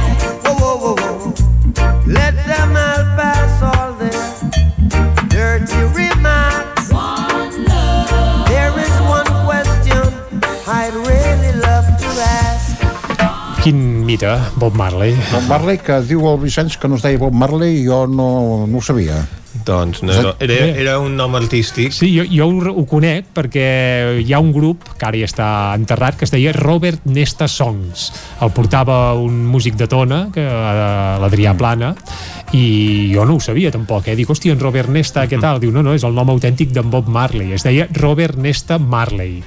I em van fer un projecte que es deia Robert Nesta Songs, on passaven pel sedàs del jazz, doncs, alguns clàssics de Bob Marley. I per això, jo, coita, arran d'aquest projecte, arran d'aquest invent de l'Adrià Plana, músic usonenc, doncs vam descobrir que el Bob Marley es deia Robert Nesta Marley. Marley sí que, que era autèntic, diguem.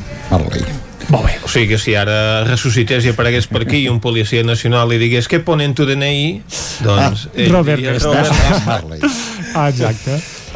Doncs fins aquí hem escoltat unes quantes cançons de, del Bob Marley. N'hi ha moltes, eh? I Shot the Sheriff, The Sheriff... Uh, estem escoltant Exodus, no? Uh, estem escoltant encara, encara no, eh? El Ah. tall 12, però de seguida Va. anirem a, per acabar, sí. Doncs va, I, posem... sí, sí, Exodus. Exodus. Eh, eh que sí? Per Amb acabar, aquesta sí. acabarem, vinga. Que és més ràpida. Que ja està sonant. Sí, no la podrem pas escoltar llarga, tota, eh? sí. No, no l'escoltarem tota. Un fragment i després t'acomiadem, eh, Jaume? Molt bé.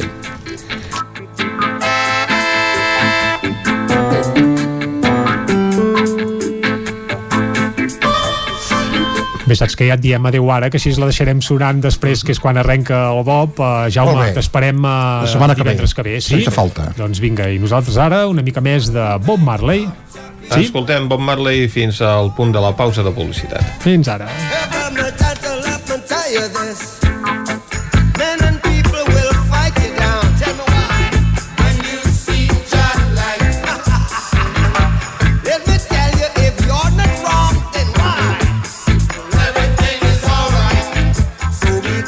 Territori 17.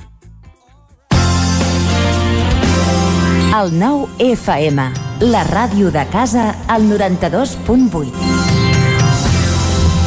Can Xalant Moda i Complements. Nova temporada primavera-estiu. Moda home-dona, nen-nena, sabates, bosses de mà, maletes, complements i molt més. Vine a veure, ens trobaràs una secció d'ofertes amb roba de la temporada passada a 10 euros i 19 euros. Vine a Can Xalant, ens trobaràs al carrer Sant Tomàs número 6 de Call d'Atenes. També a Instagram i Facebook.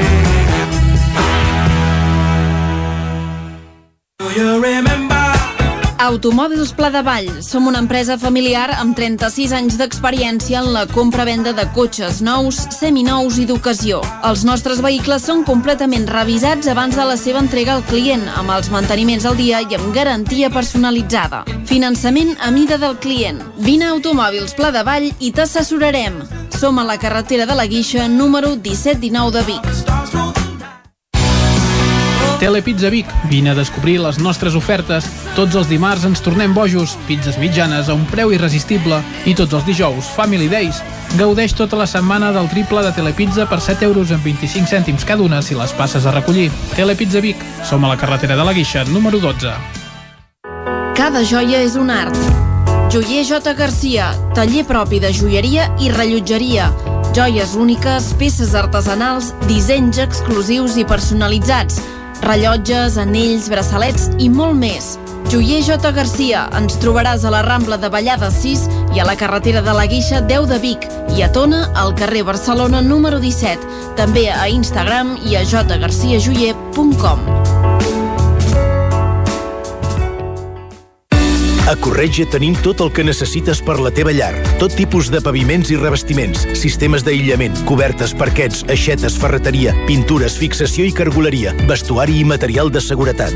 Disposem de més de 3.500 metres quadrats d'exposició amb una nova zona exterior d'aïllaments. A Corretja som especialistes en cuines i banys. Us assessorem, dissenyem i realitzem el projecte des de l'inici fins a la fi del muntatge. 100% cuines, 100% banys. Al carrer Mas Vigues 8 de Vic, a corretja-sl.com o a Instagram. 100% materials per la construcció i la decoració. 100% corretja. Hi ha sensacions que són úniques. Aquell bany relaxant, mirar per la finestra quan plou i com les calderes Bailand, que li ofereixen fins a 15 anys de cobertura total amb el servei tècnic oficial Bailand. Informis a Oficiat Nord trucant al 93 886 0040. Amb el servei tècnic oficial de Bailand, la seva caldera estarà en les millors mans. El nou FM.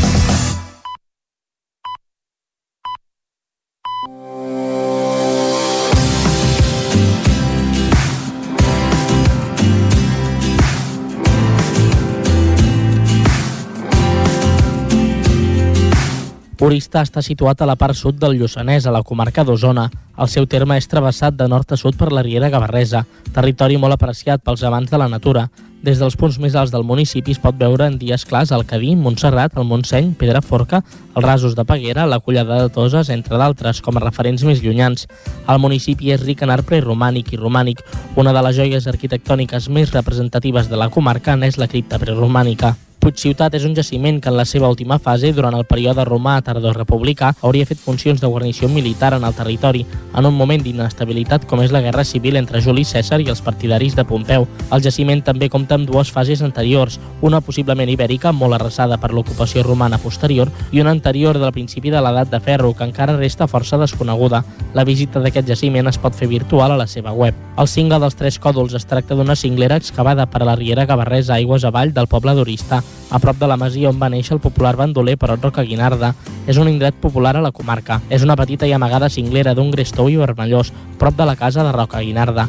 En una estreta lleixa horitzontal d'aquesta cinglera hi ha uns grafits gravats a la roca. Són inscripcions relacionades amb el bandoler Perot Roca Guinarda, un petit testimoni d'impressions d'algun bandoler d'amic d'en Perot o del propi Roca Guinarda. Els esgrafiats són diversos i s'hi poden observar inscripcions. El Museu Roca Guinarda de Terrissa dels Països Catalans és un petit museu que compta amb una completa col·lecció d'unes 4.000 peces de terrissa catalana i ceràmica de tots els temps, amb la finalitat de conservar i difondre aquesta tradició popular. La col·lecció s'ha anat ampliant gràcies a diferents donacions. Al 1990, el Museu Nacional de Ceràmica va cedir en dipòsit un important fons de l'Hospital de la Santa Creu de Barcelona. El museu està ubicat a l'edifici de la rectoria de l'Església d'Oristà.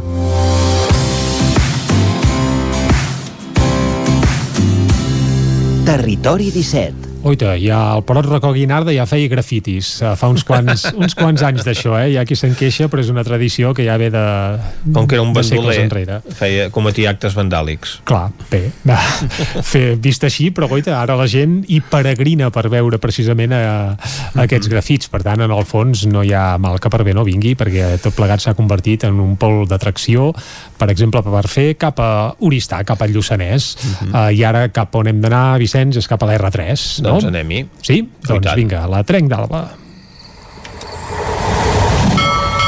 A Trenc d'Alba, edició pandèmia. Ara sense els usuaris que ens explicaven les seves desgràcies a l'R3, però amb els mateixos retards i problemes de sempre. Benvinguts a Tren d'Alba. Ara fa uns dies va haver una actuació a l'estació del Clot Aragó de Barcelona que va consistir en la substitució de l'enllumenat per leds i l'increment de nombre de punts de llum per donar el màxim de lluminositat a les andanes. El projecte d'inversió que contempla la renovació de tota la instal·lació elèctrica es troba en fase de redacció. Doncs bé, sens dubte és una bona notícia, però la gent demana molt més, perquè s'ha de ser exigent. Una persona va dir que feia falta canviar molt més que l'enllumenat, perquè l'estació del Clot Aragó deixés de semblar una estació sinistra. Un li va contestar que sinistre ho ha estat des de la seva inauguració, encara que en aquella època es filtrava aigua encara que no plogués. El terror d'aquesta estació es fa palès en un altre comentari que diu que hi ha unes escales fantasma al fons i que una força sobrenatural impedeix que t'hi puguis apropar. M'agradaria anar-hi per veure i comprovar-ho per mi mateix. N'hi ha un que va més enllà i diu que seria un escenari fantàstic per gravar-hi una pel·lícula de por. Un altre la qualifica directament de lletja, mentre que n'hi ha un que creu que amb quatre plafons de colors a les parets ja serien feliços. En canvi, un altre usuari creu que només caldria pintar de blanc un tros de l'estació i ja s'hi guanyaria molt i, a més, seria barat. Però no tot és dolent, perquè hi ha una persona que sí que ho valora positivament, dient que a l'estació ja fa temps que no hi ha goteres i ara es millora la il·luminació. No tot és dolent a Renfe, diu. Ja ho diem que tot no, però sí que fan moltes coses que no estan massa bé. Va, ens retrobem dilluns amb més històries de l'R3 i del tren. Territori 17. Doncs, Vicenç, deixem enrere la R3 i quan passen 4 minutets de dos quarts de 12 del migdia ens capbussem a parlar de gastronomia, com fem sempre els divendres aquí a Territori 17. I avui volem parlar de Lactium, aquesta fira de formatges artesans que està arrelada a Vic des de fa un cert temps, però que l'any passat, per culpa de la pandèmia, doncs no es va arribar a celebrar. En canvi, aquest 2021 sí que ja podem anunciar que hi haurà Lactium i que es farà el proper cap de setmana i concretament s'ubicarà al Parc Balmes de Vic durant tot dissabte i tot diumenge vinent. Per conèixer alguns detalls, saludem ara mateix el seu director, l'Isaac Gelabert. Isaac, molt bon dia. Hola, molt bon dia a tothom. Podem afirmar que aquest 2021 hi haurà l'Actium, eh? presencial a més Sí. a més, eh?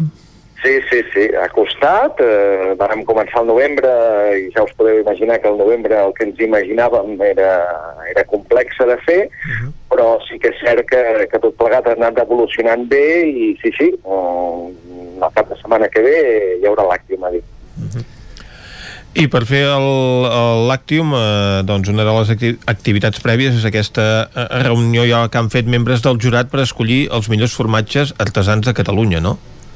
Sí, enguany, bé, enguany hem fet un exercici d'adaptabilitat i de seguretat. Teníem molt clar que volíem salvar el concurs, eh, sigués quina sigués la situació sanitària, i aleshores per resoldre aquesta premissa eh, bé, doncs hem organitzat nou deliberacions, tot just ahir vam acabar l'última, arreu del territori català, on hem convocat, eh, bueno, hem creat bombolles segures amb, amb 4, 5, 6 membres del jurat, fet els un, un test previ d'antígens, i on aquests jurats han deliberat entorn a, bueno, han tastat i han deliberat entorn a les que- 13 categories que s'han presentat a concurs, de les quals doncs, ara mateix ja tenim un formatge guanyador de cada categoria que farem públic el, dia, el dissabte 22 de maig a la, a la una del migdia al Parc Sant Ramon. I n'heu tastat més de 150.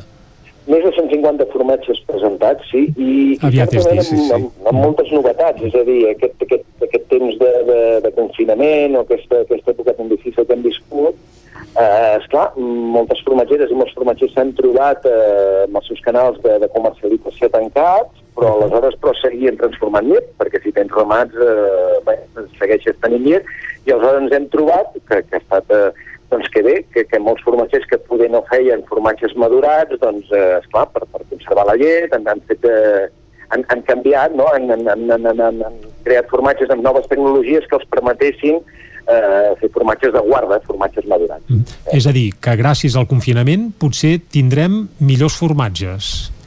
Bueno, eh, home, jo, jo t'he de dir que el, el, el formatge català és, és, és, és bo, és, és a dir, tenim, tenim, tenim bona cultura formatgera, tenim molt bones formatgeres i molt bons formatgers, gent jove, molt formada, molt instruïda, però sí que és cert que en qualsevol cas, eh, aquest any a l'Àctim trobarem molts formatges nous, és a dir, noves creacions dels formatgers. Això, això, és, això és segur i evident, i ja ho hem notat així al concurs, eh? és a dir, d'aquests més de 150 formatges que s'han presentat, nosaltres treballem amb una, amb una previsió prèvia de formatges per categoria, no?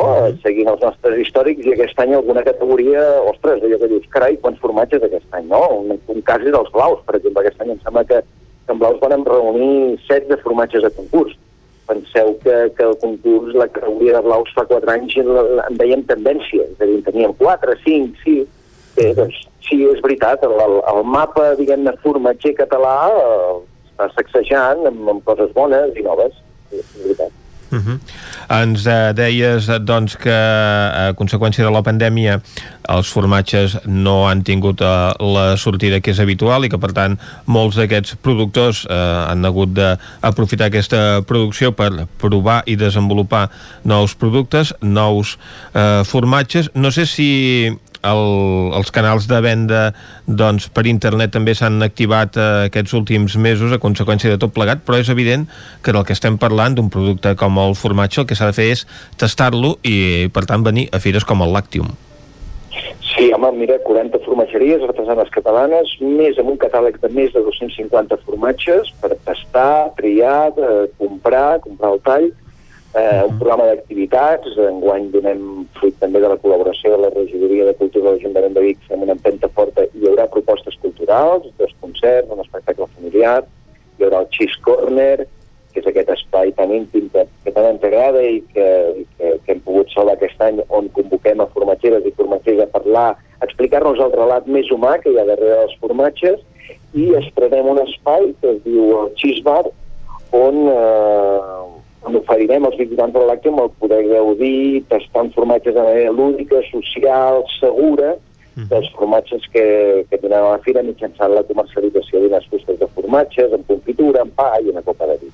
Ja, aquest, que, aquesta és la gran novetat, una mica, o una de les novetats que presentem en, en clau mostra, eh? en clau els dies de la fira. I pel que fa a les mesures Covid, eh, què veurem al Parc Balmes? Serà similar a com el vam veure ja per aquesta passada edició del Mercat del Ram? És a dir, amb aforament eh, limitat, amb entrades controlades? Com, com serà tot plegat? Sí, se- se- serà, serà exactament igual el que vareu veure al Parc Jaume Balmes. De fet, en aquest sentit, eh, l'experiència de l'OFIM, que ja ho sabeu, no? l'Ajuntament de Vic s'està caracteritzant per intentar, no? ja, fa, ja fa setmanes, ja fa mesos, per, per, per fer fires amb normalitat i fires presencials, i sí que és cert que l'experiència que tenen la gent de l'OFIM ens, ens ha anat molt bé per, per, per, per, per veure totes aquestes coses. Efectivament, eh, tancarem perímetre, és a dir, ampliem el Parc Jaume Balmes, per mantenim el número d'expositors, però els espais seran més amplis, no?, en aquesta nova cultura firal que tenim, no?, les persones de, de, eh, de, de sentir-nos còmodes, de sentir-nos espaiats, els mateixos formatgers, tanquem perimetra, perimetralment el Parc Jaume Balmes i efectivament, eh, per, per, temes de seguretat, eh, farem un control d'aforament. Mm. Per, perquè el Parc Balmes eh, s'ha eh, s'ha, doncs, reivindicat una mica com un espai ideal per aquest tipus de feira, ara que fa uns quants anys que es du a terme en aquest espai. Sí, home, el Parc Jaume Balmes té moltes virtuts. Eh, de fet, crec que l'Actium, no?, fa quatre anys va ser, em sembla, el primer esdeveniment o la primera mostra que, que es va fer al Parc Balmes. Uh -huh. És un espai molt orgànic, molt agradable, està just al centre, no?, al costat de la catedral, just al, costat de, del casc històric de la ciutat. Connecta, no?, té, té, aquest, té, aquest, té aquest punt, no?, geogràfic de connexió, no?, de barris, és a dir, jo, jo crec que sí, que és- el Parc Balmes, de fet, de seguida que ens ho van proposar des de l'Ajuntament com a localització, ho vam veure molt clar, perquè té això, té aquestes característiques que vinculen directament no, amb els valors de, del formatge català, no? un espai orgànic, eh, biodiversitat, és a dir, molt amable, on la gent hi està molt, molt i molt a gust, vull dir que, no, no, el Parc Jaume Balmes és, és, jo crec que és part de, una mica part de l'èxit, no?, del, del, que, del, que està, del que estem aconseguint amb l'àctic. Uh, I per cert, uh, abans ja, ja estem a, a la recta final, però abans et volíem demanar que ens recomanessis algun formatge. Uh, som a la foc lent i ja sé que ara et posem en un compromís, eh? perquè ha de ser molt i molt complicat. Eh? Sí, però per la gent que... per la gent que no són gaire formatgers, uh, aconsella'ns algun formatge i per la gent que ens està escoltant també ara des de casa. eh, jo, jo, jo, sé- jo, mm, l'últim té un esperit, eh, sí que és veritat, és, que és una trobada, és un punt de trobada pels apassionats del formatge, però des del primer dia hem tingut sempre un esperit, un esperit molt obert, molt integrador, és a dir, jo crec que és una mostra que pot visitar tothom, inclús els, aquells als que no els agrada tant els formatges, com et deia, més de 250 formatges de tota mida, de tots colors, de més forts, de més suaus, de més pudents, de blaus, és a dir, jo crec que estic segur que per poc que t'agradin els formatges, a l'Actium podràs trobar un formatge que t'agradi. I home, i si, si me'n fas dir-te un, mira, te'n diré un d'usonenc, Va, ja. va, eh, mira, et, et diré el Miner, d'Espinelves, eh, i te'l dic perquè, perquè l'Oriol Brugués, bé, és un pastor, és, és un ramader, és, és a dir, és, és una formatgeria amb ramat propi, és a dir, l'Oriol eh, això, fregint el seu ramat de cabres, eh, elabora el formatge i el comercialitza, és a dir, un cicle tancat, que aquest és un model que jo el trobo molt lloable i molt potent, i a més amb aquest formatge l'Oriol va guanyar el millor premi al formatge català Lactium 2019, és a dir, uh -huh. entre els 13 guanyadors, el jurat, de manera molt transparent, i això passarà una altra vegada aquest dissabte, entre els 13 guanyadors de cada categoria triarà un formatge, d'acord? Uh -huh. I aquest formatge eh, va ser el que van triar l'any 2019 eh, els membres del jurat, que va ser el, el miner d'Espinyales, un formatge de cabra amb una maduració de 6 a 8 mesos, eh, en una mina, bueno, un, un formatge perfecte, molt relat, jo crec que amè, dolç i, i bo, bo per tota mena de, de persones. El que els agradi una mica el formatge, eh? t'ha d'agradar una mica el formatge per venir a Si no t'agrada gens, escolta, vine a veure Conserge que vull de l'espai, però esclar, formatges no, no, no hi podem fer res en aquest sentit. Una de les novetats d'aquest any a la Fira és que també s'hi incorpora l'aula de formatges de bon preu esclat. Sí senyor, és a dir, l'aula del formatge bon preu esclat era, era un espai que teníem molt integrat en la fira i, que, i en el que progràvem més de 12 o 14 activitats, tastos guiats de formatges en la pròpia fira. Sí que és cert que aquest, aquest nou marc eh, sanitari de seguretat que, que vivim eh, durant els darrers temps ens va fer decidir a, a descartar la possibilitat de crear aquesta aula en la mostra, però sí que des de l'Àctim entenem que el pas de formatge, el poder tastar, el poder olorar, el poder tocar el formatge és un argument clau per divulgar la cultura formatgera i, i, i divulgar els valors del formatge artesà. I aleshores el que vam fer és, és hem programat tres tastos de formatge, tres, eh, és l'aula formatge de preu esclat, i seran online, amb la possibilitat, i aquest, sí que en aquest sentit és, el tema és una mica disruptiu, amb la possibilitat de que les persones que vulguin eh, els donem un link i es poden adreçar i podran tenir amb un clic els formatges a casa. Uh -huh. això, això em sembla que és prou potent, en fem, en fem tres, de fet demà fem el primer, que és el Carmina Caseus, un tas de, de poemes i un recitador de formatges, dissabte 22 a les 9 del vespre, eh, el dissabte de l'àctim en tornem a fer un altre, i passat l'àctim, el dissabte 29 de maig, fem el tas dels formatges de premi, és a dir, farem un tas guiat de formatges guanyadors al concurs. Doncs... I ja et dic, el canal YouTube de l'Àctim en obert, és a dir, qui ho vulgui veure ho podrà veure, però aquelles persones que vulguin, a més, gaudir-ne en tots els sentits i tenir els formatges a la taula, tenen l'oportunitat de, de, per 40 euros, i bé, inclòs, ja dic, més d'un quilo de formatge, és a dir, és un tas per 6 o 8 persones, uh -huh. eh, podran tenir els formatges a casa. Doncs Isaac Gelabert, eh, director del Lactium, moltes gràcies per posar-nos la mel, bé, la mel, el formatge als llavis de cara a l'edició d'aquest 2021 del Lactium, que recordem-ho, tindrà lloc al Parc Balmes de Vic els propers dies 22 i 23 de maig. Moltes gràcies i molta sort. Moltes gràcies a vosaltres per donar el terreny al Lactium i, eh, i els formatges artesans. Ens veiem al Lactium. Un Lactium, recordem eh, que serà els dies 22 i 23 de maig al Parc Balmes de Vic. I ara no repassarem activitats pel cap de setmana que ve, sinó que l'agenda que fem sempre a Territori 17, el que ens toca és repassar activitats per aquest cap de setmana. Territori 17 Doncs Vicenç, el cap de setmana que ve tenim una cita al Lactium de Vic, però aquest cap de setmana també hi ha activitats arreu del territori 17 i aquest repàs, per on el comencem? Doncs comencem eh, pel Vallès Oriental, que allà estan de celebració amb la Fira de l'Ascensió. No hi ha fira comercial pròpiament, però sí que hi ha tot un seguit d'activitats i anem cap al Vallès Oriental. Anem a Ràdio Cardedeu amb l'Òscar Muñoz. Bon dia, Òscar. Bon dia. Fem un repàs a les activitats que podem trobar aquests propers dies. Doncs sí, com m'havies comentat, aquest cap de setmana hi hauria eh, la Fira de l'Ascensió Granollers i doncs com no es pot fer en totalitat, doncs sí que gràcies a això tenim més fires i mercats a la capital ballesana. Però abans no ens oblidem del mercat de pagès d'aquí Cardedeu amb els productes quilòmetres zeros de dissabte al matí a la carretera de Cànoves.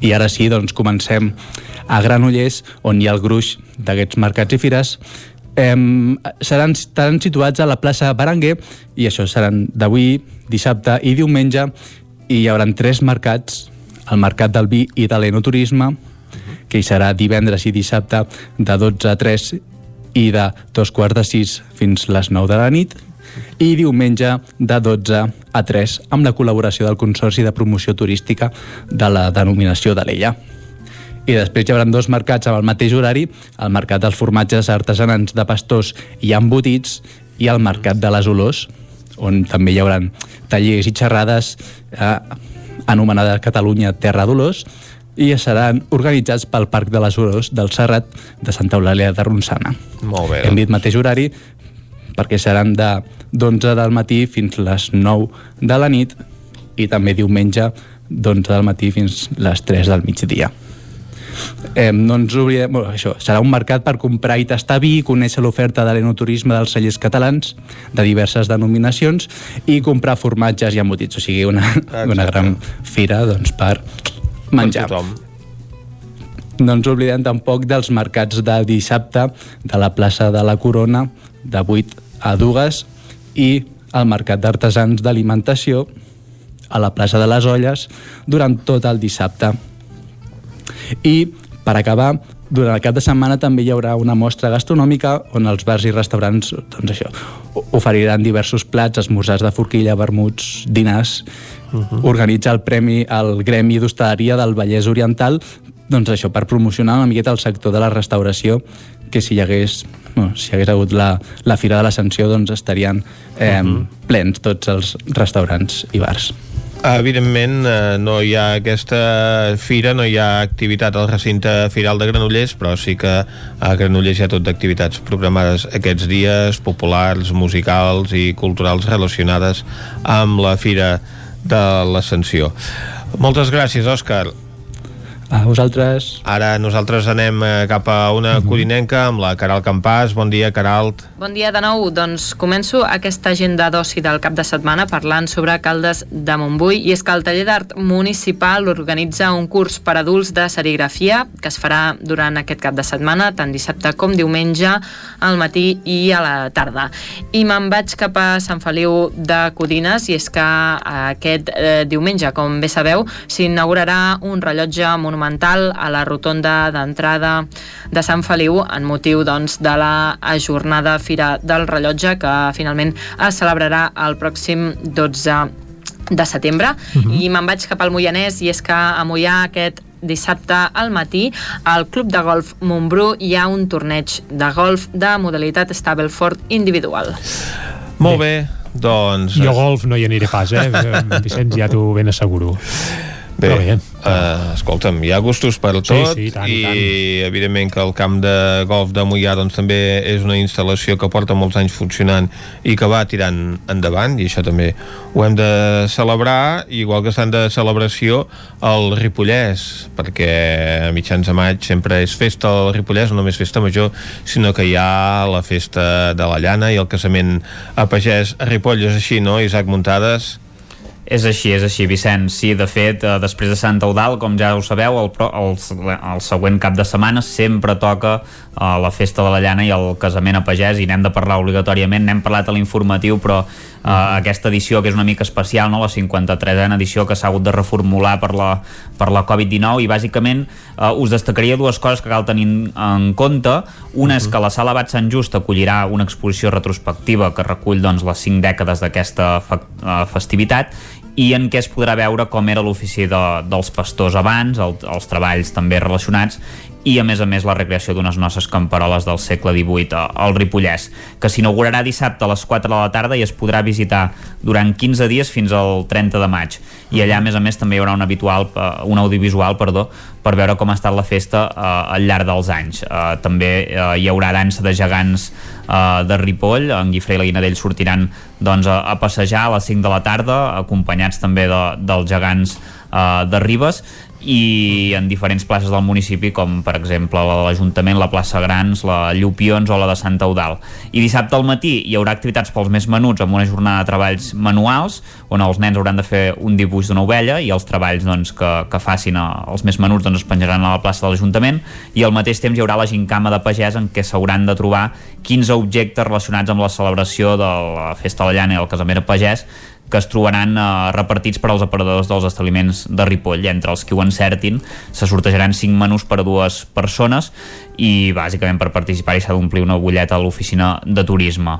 Això seria una mica el que, el que podem veure a Ripoll i també aquest cap de setmana, aquest diumenge, se celebrarà la 51a festa de la Pulla Sardana. Abans parlàvem de 54a edició del casament, déu nhi també Mhm. les festes de la Pulla Sardana que s'han fet a Can de Bànol, que estava prevista com seu per l'1 de maig, però la pluja la va obligar a ajornar i en aquest cas doncs s'ha decidit fer uh, aquest cap de setmana. No es ballaran sardanes, però sí que hi haurà un concert de sardanes amb la Copla de Principal d'Olot, que es farà a dos quarts de sis de la tarda a la plaça de la Dansa. Uh, des de l'organització demanen que els nens vinguin vestits de, de catalanets i en cas que plogui es farà a la sala diagonal i com sabeu la festa del Pulla Sardana doncs bàsicament va d'això, no? de- d'anomenar-la però abans se la va buscar per casa seva es fa com una mena de seguici pel poble fins a arribar a la plaça on se li, li llegeix, se li llegeix el vers que se li ha preparat una mica des de l'organització que cada any el fa una persona diferent i, i bé, entre sardanes i sardanes suposo que es aniran fent activitats eh, pel que m'han explicat una mica de- de- d'això, no? de, del pubillatge uh, i, i res per acabar un- una cosa que no és ben bé festa uh, oci però que no ho vam parlar l'altre dia que és important, que aquest cap de setmana hi haurà el primer rally fotogràfic a Ripoll a partir de les 9 del matí a la plaça de Lira. Uh, l'hora límit per entregar les fotos és a les 12 del migdia i els temes es coneixeran el mateix dia. Hi haurà, hi haurà premis doncs, a, a la millor sèrie, a la millor foto de la categoria A, B i C i a la millor foto infantil fins a 14 anys. A banda del trofeu eh, i d'una impressió de 40 per 30 centímetres de la foto que, que s'hagi fet, també hi haurà un lot de productes del Ripollès i premis en metàl·lic d'entre 150 i 50 euros. Molt bé, doncs Isaac, moltes gràcies. A vosaltres. Ara nosaltres tenim a Miquel R a punt de fer repàs de l'actualitat de la comarca d'Osona. Correcte, ens parlava l'Isaac de propostes històriques, propostes que es van recuperant també a nivell així de cultura popular i mireu si en recuperem una que a Taradell veurem un passant dels tres toms tres Carai, mesos després carai. del que tocava. Els tonis arriben ja Els gairebé per Sant tonis, Joan. Pràcticament, sí, de fet eh, Sí. hi ha la rua de Prats, generalment, que la Exacte. inclouen també dins, eh, dins tot el Mhm. programa, doncs pràcticament es donaran la mà perquè això serà aquest dissabte, serà en un format especial, sí que és veritat que, que li agradi aquest món, els, els podrà veure, diguéssim, en un entorn diferent, no serà allò pel mig del poble i passant per davant de l'església, sinó que es concentraran, s'han agafat 25 carros concrets, d'aquests que han anat restaurant l'entitat a l'Alzinar que tenen guardats i custodiats a l'Alzinar de la Roca, i faran un recorregut intern per l'urbanització de, la, de la Roca. Eh, serà eh, allò amb, amb, amb No tres gaire voltes gent. igual, amb uns carrers molt determinats, amb, amb parada i, i, i final d'etapa, diguéssim, a la plaça de Sant Quirze, però amb tot l'espai més acotat, però sí que la gent hi podrà anar igualment per, de forma presencial. De fet, també ho, ho retransmetran amb streaming, per qui no hi pugui arribar, però qui vulgui arri- arribar ho podrà, ve podrà veure passar aquests 25 carros, ja diguem, just eh, en aquest cas en el barri aquest, qui vulgui aparcar que vagi per la zona del, de, del Vivet, recomanen, o la carretera Viladrau, per deixar el cotxe allà i poder-se acostar a la urbanització i veure el passant. Serà un passant completament inèdit, en un espai completament inèdit que no, no acostuma a passar i bueno, és amb la voluntat també una mica de, de no haver deixat passar aquesta edició. L'any passat ja es va perdre també el passant per tant serà una manera de, vi- de, de viure'l hi ha Manlleu que encara estaven pendents també si el recuperen i per tant això, eh, passants al mes de maig eh, que no era habitual però encara tindrem temps de veure, de veure tres toms Molt bé. de fites d'aquestes històriques, parlaven de fites històriques, doncs mireu, el món sardanista també molt, diguéssim, damnificat per, per tota l'aturada, eh, una altra cita històrica, el 51è a plec de primavera a Torelló, això serà aquest diumenge a partir de dos quarts de cinc de la tarda, als jardins de Can Parrella, amb aforament limitat, encara no diguéssim no per ballar, però sí per escoltar, en aquest cas el repertori que oferiran les cobles Ciutat de Girona i la principal de Llobregat.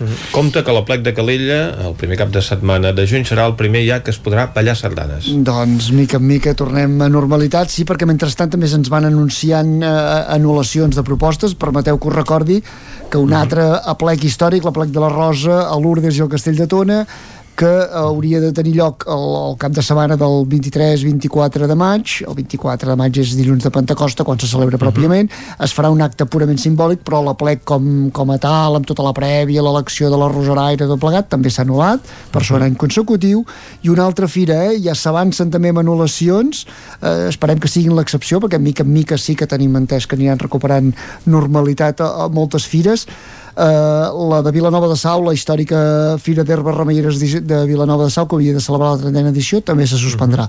El que no se suspendrà, en parlarem la setmana que ve més extensament, serà l'Actium, la Fira de Formatges eh, Artesans, que tindrà lloc el cap de setmana que ve, però N'hem estigui- parlat ara mateix amb el eh, seu director, efectivament, d'aquestes Sí, sí. activitats que es faran la Correcte. setmana que ve. Només recordar això, que hi haurà un tastet virtual ja primer aquest cap de setmana i per tant qui tingui molta gana de, de formatge ja, ten, ja, ja pot començar-lo a ensumar. I també hi ha la festa de Verdaguer a Folgueroles aquest cap de setmana. Correcte, eh, a cavall entre els actes de cultura i, l'altre eminentment popular. O sigui que tothom a portar flors al poeta. Ah, exacte. I nosaltres el que ens toca és enfilar la recta final del programa d'avui i de la setmana aquí a Territori 17.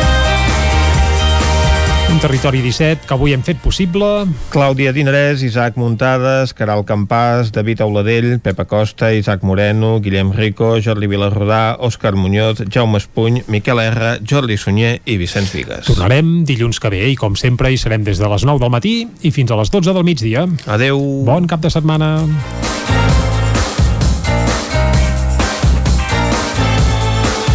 Territori 17, un magazín del nou FM. La veu de Sant Joan, Ona Codinenca i Ràdio Cardedeu amb el suport de la xarxa. El nou FM.